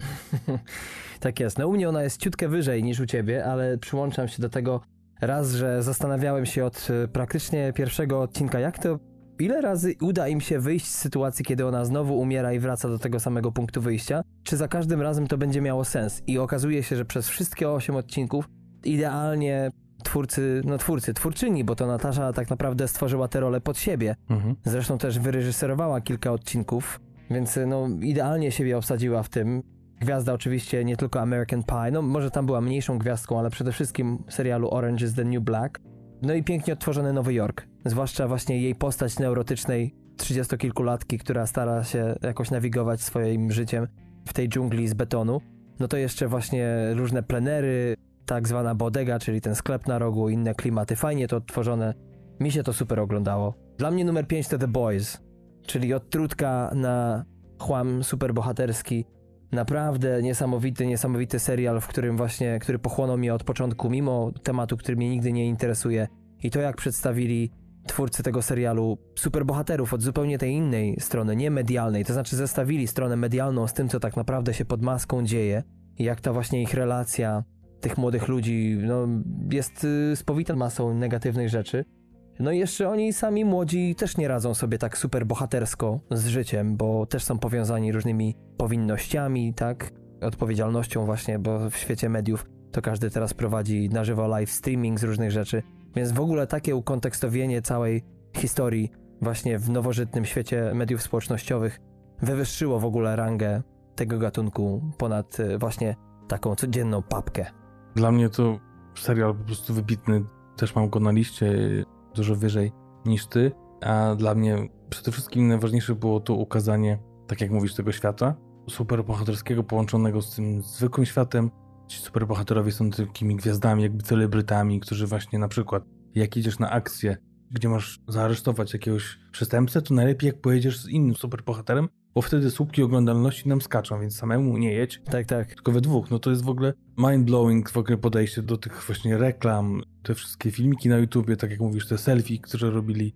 I też teoretycznie niby każda z tych postaci, którą widzimy, z tych y, superbohaterów, pokazuje jakiś tam rodzaj drogi, tak? Ktoś zaczyna dopiero, ktoś jest superbohaterem wielkim, z wielką gwiazdą, ktoś ma problemy gdzieś tam z, czasami, wiesz, dzieciństwa, psychologiczne i niby każdy ma swoją szufladkę, ale tak świetnie się w tym odnajduje, tak świetnie to ukazuje, a na drugiej stronie mamy genialnych tych pełnokwistych facetów, po prostu zwykłych śmiertelników, tak?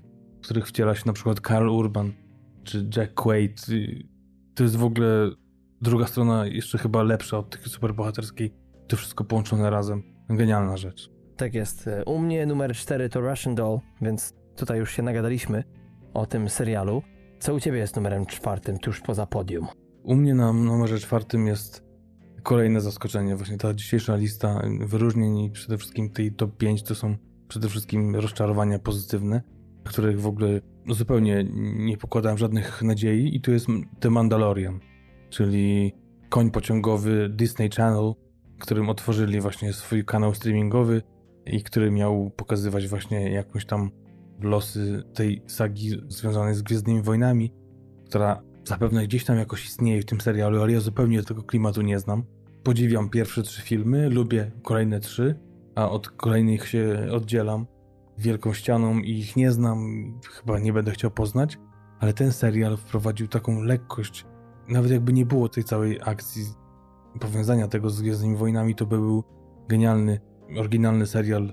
Wiadomo, że to jest coś w stylu Jokera, tak, że mamy Mm. zupełnie inną historię, inaczej podaną, ale jednak jest powiązana to z superbohaterami nieodzownie. Tak samo tutaj to jest Gwiezdne Wojny. Zakładam, że friki i geeki Star Warsowie znajdą tam tysiące nawiązań do różnych postaci, historii. Oczywiście wszystko wygrywa Master Yoda, Baby Yoda tak zwany. Tutaj to wygrywa na każdym froncie, ale ta lekkość potężenia za tą historią właśnie jakiegoś takiego gwiezdnego headhuntera, który po prostu od zdarzenia do zdarzenia zarabia kasę, zabijając i szukając złoczyńców po galaktyce i nagle opiekujący się właśnie Baby Yodą. Coś pięknego, coś tkliwego, coś wzruszającego. Pedro Pascal, świetna rola, chociaż to trochę taki bardziej dubbingowana rola, bo za maską cały czas cały serial nie, nie widzimy zbytnio jego twarzy. To jest mój numer 4. Gorąco polecam i fanom, i nie fanom, i nawet chyba antyfanom, którzy myślę, że się przekonają i może sięgną po coś więcej z tych Gwiezdnych Wojen. Tak jest. Numer 3 u mnie to Fleabag, drugi sezon. I być może ostatni, bo jak sama autorka, odtwórczyni głównej bohaterki, tytułowej zresztą Phoebe Waller-Bridge powiedziała, że prawdopodobnie może jak za kilka lat, za dekadę trochę się jej bohaterka zestarzeje w jej głowie, no to wtedy coś będzie ciekawego do nakręcenia. Ale drugi sezon moim zdaniem przebił jeszcze ten pierwszy i jak ktoś nie zna tego serialu, to tylko tak pokrótce powiem, że oczywiście mowa tutaj o głównej tytułowej Fleabag, mieszkance Londynu, która no raz, że w pierwszym sezonie opakuje śmierć, kolejny serial o opakiwaniu kogoś, swojej przyjaciółki, z którą prowadziła sklep i która tragicznie zeszła z tego świata. No i oprócz tego masa perypetii jej z kochankami, z jej macochą, którą gra świetna w tym serialu Olivia Colman, królowa można powiedzieć teraz brytyjskiego aktorstwa, dosłownie jej w przenośni. No jeszcze ma ciekawą relację z siostrą, ojcem. Oprócz tego to jest serial, który konstrukcyjnie oparty jest właśnie na takim łamaniu permanentnym czwartej ściany przez główną bohaterkę, która komentuje w bardzo suchy, oschły sposób z lekką brytyjską flagmą to, co się dzieje. No i to jest właśnie to przepiękne rozwarstwienie tego świata na zewnątrz, czy tego jego attitude, takiego, które sprawia, że ona w taki sposób zmierza się właśnie z wielkimi problemami, a w środku jakby widzimy bardzo życiową osobę z wielkimi problemami, z natręctwami. Widzimy, czego się boi, widzimy, jak ucieka od problemów, i to jest właśnie motorem napędowym tej komedii, jak też tych najlepszych w tym roku, że mamy tę warstwę śmieszną, która czasami naprawdę doprowadza człowieka do rozpuku, a z drugiej strony mamy też właśnie trochę prawdy ukrytej, która czasami może być bardzo bliska skóry. W końcu się pokrywamy z czymś. Ja też mam feedback, którą zresztą przetłumaczono już chyba na polski, bo widzę na IMDB, to jest współczesna dziewczyna. Aha. Buu. Może kupa pcheł po prostu, Boże. No. Nie można? tak, więc ja też przyłączam się do tych wszystkich panów, które właśnie tutaj wypiałeś. Najlepszy serial komediowy, najlepsza rola żeńska. Co ciekawe, za pierwszy sezon nie było nic, a teraz jeszcze do tego doszedł e, Andrew Scott jako sexy priest, czyli seksowny ksiądz, którego można było widzieć też w 1917 czy 1917, gdzie bardzo ciekawą małą rulkę zagrał kapitana. I to wszystko moim zdaniem jeszcze bardziej wybrzmiało w drugim sezonie niż w pierwszym. Jeszcze bardziej to się wszystko zgrywało, jeszcze lepszy, bardziej cięty humor. I tak jak mówisz, ja się cieszę, że tego trzeciego sezonu na razie nie będzie. Waller-Bridge się zarzeka i tak jak mówisz, może wróci, może nie. Będziemy obserwować jej popisy scenopisarskie przynajmniej, bo wiemy, że maczała palce w najnowszym Bondzie i też już wyszedł niedawno zwiastun serialu, o którym był news na naszej stronie facebookowej, gdzie też i gra główną rolę i też również te swoje pióro wcisnęła pomiędzy inne, więc też flipek u mnie numer 3. Tak jest. Numer dwa u mnie to najlepsza komedia zeszłego roku. Zdecydowanie. Drugi sezon serialu, który pobił moim zdaniem jeszcze, no może nie na głowę, ale dość solidnie. Pierwszy genialny sezon. Mowa oczywiście o. Chyba ty tego serialu nie przerobiłeś? Tak mi się wydaje. Barym Billa Heidera, który gra tutaj główną rolę. Już wielokrotnie mówiłem, zrobiłem nawet o tym odcinek o pierwszym sezonie. Gra tutaj Hitmana, który jest weteranem wojny, bodajże w Afganistanie, no i przeprowadza się do Los Angeles, żeby pracować właśnie jako ten wspomniany zabójca na zlecenie. No i oprócz tego poznaje też aktorstwo, dziewczynę, to wszystko się ze sobą zazębia i komplikuje. Henry Winkler gra genialną rolę tutaj mentora teatralnego, na zajęcia którego właśnie chodzi Bary. Mamy też czeczeńską mafię. Mamy jeszcze Stevena Ruta, genialnego menadżera, naszego hitmana, który to jest właśnie taką mieszanką gościa, który wygląda jak kompletny żul, z szacunkiem oczywiście dla wszystkich żuli. Natomiast czasami filozofia płynąca z jego ust w momentach krytycznych po prostu zbija z pantałyku. No i właśnie to, że Tutaj mamy serial, który nie tylko potrafi rozbawić i aktora, który nie jest tylko legendą SNL-u i nie tylko potrafi grać w sketchach, ale też potrafi naprawdę przydzwonić tutaj w solidne nuty, bardzo poważne. No i też właśnie mamy takie czasami twisty, że aż ciężko oddychać czasami, ciężko w ogóle zacząć się śmiać znowu, a i tak jakoś nas twórcy wyciągają z tego doła i serwują kolejną porcję humoru. No i świetna Sarah Goldberg, dla mnie objawienie ostatnich lat w Stanach Zjednoczonych, tutaj grająca dziewczynę naszego bohatera. Serial genialny dla mnie, najlepszy serial komediowy, jaki widziałem w ostatnich latach, a sezon drugi spokojnie dorównuje pierwszemu. No właśnie, to jest kolejny z tych seriali, które ja rozpocząłem. Strasznie mi się spodobał, nawet nie wiem, czy nie zacząłem go oglądać wcześniej niż ty. Mhm. I nagle przerwałem ten pierwszy sezon chyba w połowie i nie dokończyłem, a tym bardziej już nie zacząłem drugiego, ale teraz już wiem, że sobie zapisuję i od jutra, bo jeszcze jutro wolne. I teraz też wyjeżdżam, bo jak to bywa u nas, nie ma żadnych przestojów, żadnych wirusów, przecież tylko jadę na drugi koniec kraju i tam będę w hotelu przebywał kilka dni, więc wieczorami będę miał czas, żeby... Tak, cyrk w podróży, małpy mają się dobrze. Dokładnie. Nie ma co komentować, ale może właśnie wtedy Barego w końcu połknę, bo też go tak wychwalasz już nie raz. Zresztą był o tym odcinek. Tak jest, tutaj społecznie się podjąłeś, także nie ma co. A u ciebie numer dwa? U mnie numer dwa to The Boys, więc też y, nie będę się tutaj za bardzo rozwijał, już wszystko zostało chyba powiedziane. Mhm. Muszę tylko powiedzieć, że też ten serial stoi mocno kobietami. Elizabeth Shue przede wszystkim, też y, dwie młodsze aktorki, które wcielają się w superbohaterki, nadają naprawdę bardzo fajny klimat. Jedna łączy te dwie ekipy, o których mówiłem wcześniej. Mhm. Jedna jest zatwardziałą właśnie tą superbohaterką stojącą po ich stronie, a jednak z takimi mocnymi moralnymi problemami i ta właśnie niestrudzona Elizabeth Shue, genialna w swojej roli takiej właśnie zarządzającej tymi superbohaterami, także jeszcze raz polecam i to jest moja dwójeczka. Tak jest. No i zastanawiam się teraz, co to mogło wylądować na tej pozycji pierwszej, bo tak jakoś coś mi tutaj gdzieś Geiger stuka. Brązobyl? Czernobyl oczywiście, miniseria produkcji Craiga Mazina, który też stworzył podcast, który można słuchać na bieżąco po każdym z odcinków. No Patryku, już sporo chyba wy wylaliśmy pozytywów w trakcie ostatniego roku na temat tego serialu. No ale rzeczywiście, czy on taki był dobry? Teraz ja go dwa razy obróciłem. Raz jak wychodził co tydzień, a potem z rodzicami jak byłem w Polsce w zeszłe lato. No i właśnie. Czym cię ujął ten niesamowity serial? No właśnie powiem ci, że ostatnio myślałem o tym, że wiesz, też polecamy, żeby ludzie zaczynali swoje podcasty, a tym bardziej filmowe, żeby dołączali do naszej wesołej ferajny ludzi, którzy się bawią w podcasty i mówią o filmach i serialach, ale niestety no, takimi obowiązkami bycia tym podcasterem jest to, że jest jakiś reżim, a jeszcze tym bardziej jak się ma rodzinę, w moim wypadku, to jest ten czas ograniczony i tak żałuję niektórych rzeczy, które nie mogłem sobie powtórzyć.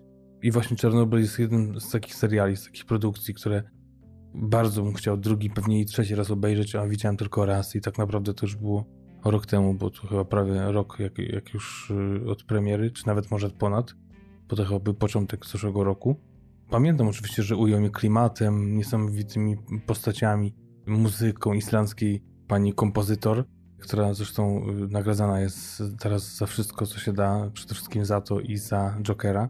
Ten klimat tego Związku Radzieckiego przedstawiony, to niesamowite minuta po minucie odtworzenie tych akcji, tego, że to naprawdę nie jest jakaś wielka nuklearna bomba, która wybuchła, tylko po prostu coś małego, co się przerodziło w coś niesamowicie wielkiego, chyba największa tragedia. Mhm. Chociaż nie wiadomo, czy nie nadchodzi większa, ale to jest to, co się działo w tych czasach, w latach 80., ale właśnie tak naprawdę szczerze, jakbym miał komuś doradzić, to trochę, moim zdaniem, jak powiem Czarnobyl, to ktoś powie, okej, no wybuch w elektrowni i co? Co tam oglądać? O czym co? Przecież każdy wiedział, że to wszystko było korupcja, nikt nic nie mówił, no ale trochę tego fenomenu, moim zdaniem, do końca nie da się wytłumaczyć. Mhm. O, może ty możesz coś więcej powiedzieć, bo widziałeś to dwa razy, ale, ale dla mnie to trochę za mało. Jestem pod takim wrażeniem takiej niesamowitości, ale tak chyba nie potrafię o tym powiedzieć dobrze, że muszę ten drugi raz obejrzeć, żeby jeszcze może, wiesz, coś sobie poukładać w tej głowie. To znaczy, jedno to jest dywagacja na temat tego właśnie, co kto nie mówił, jak to przecież e, cenzura w tamtych latach cenzurowała wszystko, nawet sama siebie. Natomiast oglądanie tego, oglądanie na przykład tego, jak w jaki sposób dochodzi do tego wybuchu i potem jak ci naukowcy są, zderzają się nie tylko właśnie z biurokracją, ale też z reżimem postępowania, ale też właśnie z własną niewiedzą często i, i nagle patrzysz sobie na to, jak nikt nic nie ma kompletnie pod kontrolą, jak wszystko to się wali, a gdzieś z tyłu głowy masz poczucie, że istnieje świat, który sobie spokojnie je kanapkę, spokojnie sobie pływa, czy tam wyprowadza psa na spacer i ci ludzie kompletnie nie mają poczucia, że są tak naprawdę o krok od totalnej ekstynkcji. Jeżeli w ogóle takie istnieje słowo po polsku, od totalnego wymarcia i to w sekundę. Nie dość, że mamy to i mamy naprawdę nie tyle partyjnych bohaterów, bo tutaj właśnie ta rozgrywka nie jest główną optyką, ale przede wszystkim mamy tych na pierwszej linii frontu, którzy właśnie byli czasami nawet zmuszani do tego, nie mieli nic do powiedzenia, żeby pójść i coś ogarnąć, żeby gdzieś coś ugasić czy, czy zakryć. Ta tragedia jest, no, zwala z nóg po prostu, patrząc na losy tych ludzi, a z drugiej strony też dostajemy w końcu wytłumaczenie, dlaczego to mogło się zdarzyć tak, a tak i dlaczego to było tak poważne, a nie tylko, wiesz, suche stwierdzenie, że no, elektrownia atomowa to wiadomo, atom to zaraz y, wielki wybuch, a tu mamy jednak w ostatnim odcinku wyłożone, że tak zaspoiluję lekko, dokładnie o co chodziło, bo tam to już jest jakby zatoczenie historii w tym odcinku, gdzie wszystko właśnie na wokandzie ma swój koniec. No Właśnie to mnie też y, jakby niesamowicie poraziło, że, że niby ostatni odcinek, jeszcze zapowiedzi były takie, że będzie sprawa w sądzie i będzie mm, gdzieś relacja z minuty na minutę, co się działo i tak pomyślałem sobie, no to będzie podsumowanie z czterech odcinków, więc o czym tu mówić, o jakim napięciu, a Mhm. to jak oni to rozegrali, Mistrzostwo Świata, no i siedzisz na skraju siedzenia, no niewytłumaczalne, jak dobrze to jest wszystko zrobione, spięte wizualno, muzycznie, aktorsko Tak jest. wszystko tutaj działa. 9.4 zresztą na IMDb, więc też ocena mówi sama za siebie. I do tego jeszcze trzeba dołożyć świetne aktorstwo. Nie tylko Stellan Skarsgård, który raz, że wygląda jak typowy komunista, to dwa, jak mój nieżyjący już wujek Marian, więc w ogóle nie mogłem się napatrzeć na gościa. Dwa, Jared Harris oczywiście, którego możecie znać z wielu, wielu produkcji, nawet e, z pierwszego sezonu serialu Corona, The Crown, gdzie gra króla Jerzego VI, ojca królowej. No i jeszcze Emily Watson była taką wybijającą się postacią, też niesamowita aktorka, niesamowicie uzdolniona, która tutaj też świetnie obsadzona została. Aha, no i jeszcze byśmy zapomnieli o tym. Ty mówiłeś e, w swoim odcinku o Czarnobylu, o ile dobrze pamiętam, że to, co działało mocno na korzyść, to było to, że właśnie każdy aktor, a była to obsada międzynarodowa, mówił po angielsku oczywiście, ale ze swoim akcentem, więc jeden miał lekko brytyjski, drugi miał bardziej rosyjski akcent i to wszystko kompletnie działało. Nawet tam nie było. Wiem, że był problem, żeby każdy mówił w dobrym akcencie i nie każdy potrafił odstawić dobry rosyjski, ale właśnie ta natura taka multiakcentowa, lingwistyczna tego serialu tak po cichu w ogóle dodała takiego smaczku tej serii, bo tego się nie wyczuwa raczej. No właśnie, no dobrze przypomniałeś mi, że, że mówiłem o tym, że właśnie w podcaście mówił Amazing o tym, że to był po prostu ich wybór artystyczny, że próbowali różnych rzeczy, właśnie żeby mówili z tym akcentem rosyjskim, żeby mówili z jakimś jednym, y, ale uznali, że każdy będzie mówił swoim i jakkolwiek to może nie jest to, że to w czymś pomaga, ale to po prostu zupełnie nie przeszkadza. Mm. To jest genialna rzecz i, i to, że Emily Watson, oprócz tych głównych postaci, które wymieniłeś, to ona jest takim zbitkiem, to też mówiłem w tym swoim bonusie, różnych postaci, które wtedy faktycznie istniały, więc ona nie jest odzorowaniem jakiejś jednej kobiety, tylko kilku osób, które tam działały i sprzeciwiały się przede wszystkim temu reżimowi.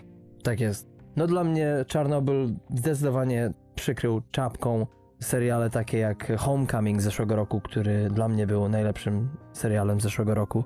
I wydaje mi się, że jeszcze naprawdę tą poprzeczkę bardzo wysoko zawiesił na ten rok, który no jeszcze tak się chyba na dobre nie zaczął jakimiś wielkimi produkcjami. Niestety Outsider mi nie podpasował, tobie też nie. Niestety najnowszy sezon Babylon Berlin, ach, po tych pierwszych dwóch na Netflixie złączonych w jeden, trzeci, niestety to już jest fabularnie słabo i zapchaj dziura za zapchaj dziurą lekko, troszeczkę tak bardziej ekspozycyjnie wszystko zrobione.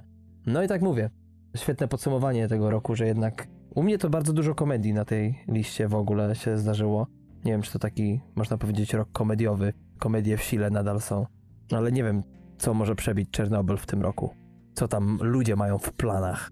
No ten nowy serial Update, który nie, niedawno mieliśmy. No, no tak, tak, tak. The Office i Parks and Rec.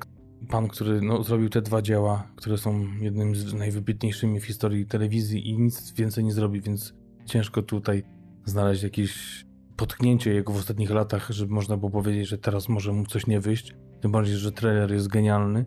A z takich rzeczy, które wyszły w tym roku, to chyba Dracula, chociaż ja tak nie za bardzo się za to wziąłem, Mm. to wiem, że oceny też wysokie, też ludzie polecają i też będę chciał do tego przysiąść, jak czas pozwoli. Jak w końcu będzie można usiąść. On też jest u mnie na liście. Nawet zastanawiam się, czy właśnie nie zrobić kolejny odcinek wideobloga o nim, bo słyszę z lewa i prawa same zachwyty nad tym, a po- podobno masa flaków, jakie się przewijają, to nie jest rzecz dla ludzi o najsłabszym sercu. Ja teraz zacząłem czytać w ogóle Drakulę Brama Stokera w oryginale, więc ciekawa historia napisana w XIX wieku, ale sam się zaczynam podpalać trochę, bo zaczyna się coraz lepiej, no i to chyba może być to. To może być to wielkie odkrycie. Kto wie, znajdziesz, polecisz, może się obejrzy, może jeszcze bardziej zachęcisz do tego, żeby przerzucić inne produkcje na bok. Bo ten rok, tak patrząc teraz z perspektywy kinowej, to będzie chyba jednak słaby ze względów oczywistych i pewnie większość to będą albo filmy streamingowe, albo które już powstały, są zaplanowane, albo seriale. Tak. No nie wiadomo jak to będzie, bo właśnie niektóre produkcje przecież, które miałyby swoją premierę zarówno serialowe, jak i filmowe, one jeszcze się albo kręcą, albo to jest akurat w gorącej fazie postprodukcji, więc nie wiadomo jak to. Jest wszystko ogarniane, czy jednak zdalnie to wszystko jest montowane, produkowane i tak dalej. No na pewno Universal ostatnio ogłosił, że wszystkie w tym roku filmy, dopóki nie upadnie pandemia, będą właśnie oferowane w streamingu. Także zobaczymy, może jednak uratują jakoś ten rok, może przyszły będzie słaby, bo w tym roku się nic nie nakręci. No zobaczymy, oby trzymamy kciuki, żeby wiadomo, wyjść z tego jak najszybciej, żeby ta druga fala, najlepiej żeby jej nie było, mm, albo żeby była dużo słabsza niż ta pierwsza. No i siedźmy w domu, oglądajmy, patrzcie też na newsy na TMF-ie, na naszym Facebooku, bo tam prawdopodobnie też będą się pojawiać jakieś polecajki z cyklu Zostań w domu. Na razie to były tylko dwie, ale grzebiemy, grzebiemy, chcemy coś wartościowego wam przekazać i myślę, że też ten odcinek przepełniony serialami, których już widzę te godziny wypełniania. Jak sobie usiądziecie z kajecikiem, to możecie wypisać i, i przejrzeć, bo chyba przynajmniej 20, jak nie więcej produkcji dzisiaj padło. Tak jest. No, będzie co robić. Mamy nadzieję, że wszystko to jakoś się uspokoi. Co za czasy, w których przyszło nam życie, a wydawało się, że wszystko pędzi już ku przyszłości i niedługo w ogóle nie poznamy naszej rzeczywistości i no niestety to się zaczyna sprawdzać, ale nie w taki sposób, w jaki byśmy chcieli. Można lekko skonstatować, że czy to sztuka goni życie, czy życie goni sztukę, czasami nie wiadomo, bo wydaje się, że dzisiejsze czasy są tak interesujące, jak interesujące potrafią być seriale, w tym przypadku, czy filmy. No nic, dziękujemy za dzisiaj, kochani. Dziękujemy za to, że jesteście. Mamy nadzieję, że uważacie na siebie, nie wyłazicie z domu bez potrzeby. My ze swojej strony zachęcamy oczywiście do zapoznania się z poprzednimi odcinkami. Jeżeli potrzebujecie jakieś filmy, to pełne odcinki to są zawsze naszym zdaniem rzeczy warte zainteresowania, bo naprawdę, naprawdę sporo tego jeszcze jest nieodkrytego. Nie tylko to, co ma być, ale też rzeczy, których może nawet nie wiedzieliście, że istnieją.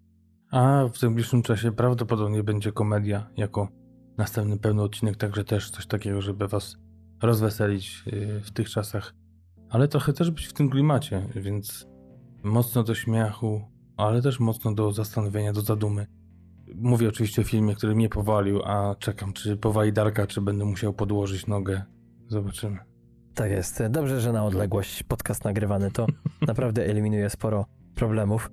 Kochani, zapraszamy oczywiście na nasze strony internetowe tmfpodcast.com, nowiutka strona, nowiusieńka, to jeszcze nie wspomnieliśmy o tym, ale się zorientujecie. Powinno być bardziej przejrzyście, lepsza nawigacja po archiwum różnych rzeczy. Można na przykład wyszukiwać, na przykład wpiszecie Brad Pitt i pokażę wam w jakim odcinku było mówione o jego filmie, więc też fajna sprawa.